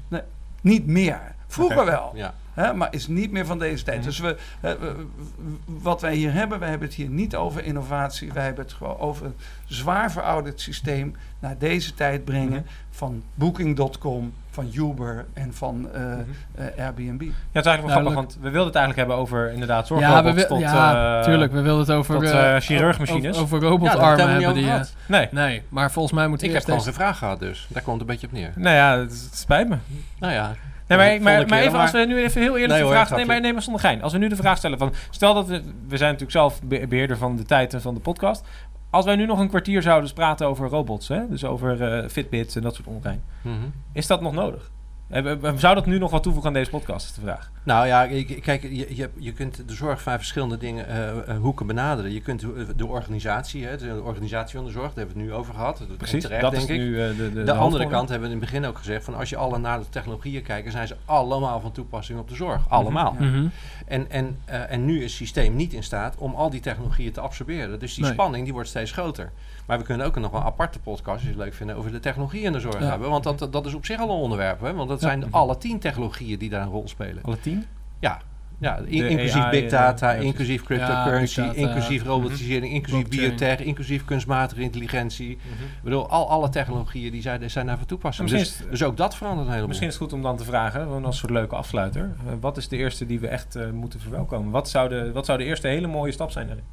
In, in wat? Een, een, een, een, een ontwikkeling die je ziet in de markt, waarvan je zegt, daar heb ik echt hoge verwachtingen van binnen de zorg. En dan Nou, gaan we ik- gewoon het rondje... Ja, er zijn wel meerdere. Ik denk eh, kunstmatige intelligentie, robotisering. Misschien Mhm. die twee wel. Nou, eh, ook wel biotech hoor, moet ik zeggen. Mhm. Er, er gebeurt toch heel snel dingen in biotech. Dus dat zijn de drie. Mag dat ook drie? Ja, dat mag ook. Oké. Ja, zeker. Ja, kijk, biotech, dat, eh, daar ben ik het mee eens. Maar kijk, wat ik denk, hè, ik denk heel erg in laaghangend fruit. En dan als ik denk wat op korte termijn veel gaat doen, is dat mensen gewoon zelf hun eigen diagnoses kunnen stellen. Ja, dat Gewoon, denk ik ook. gewoon eh, eh, Met eh, apparaatjes inspreken in een en, apparaat. Jongens, ik heb die en die en die Mhm. klachten. Ja. Nou, ik denk dat het dat Ja. en dat is. Eh, en wa- Dr. Siri.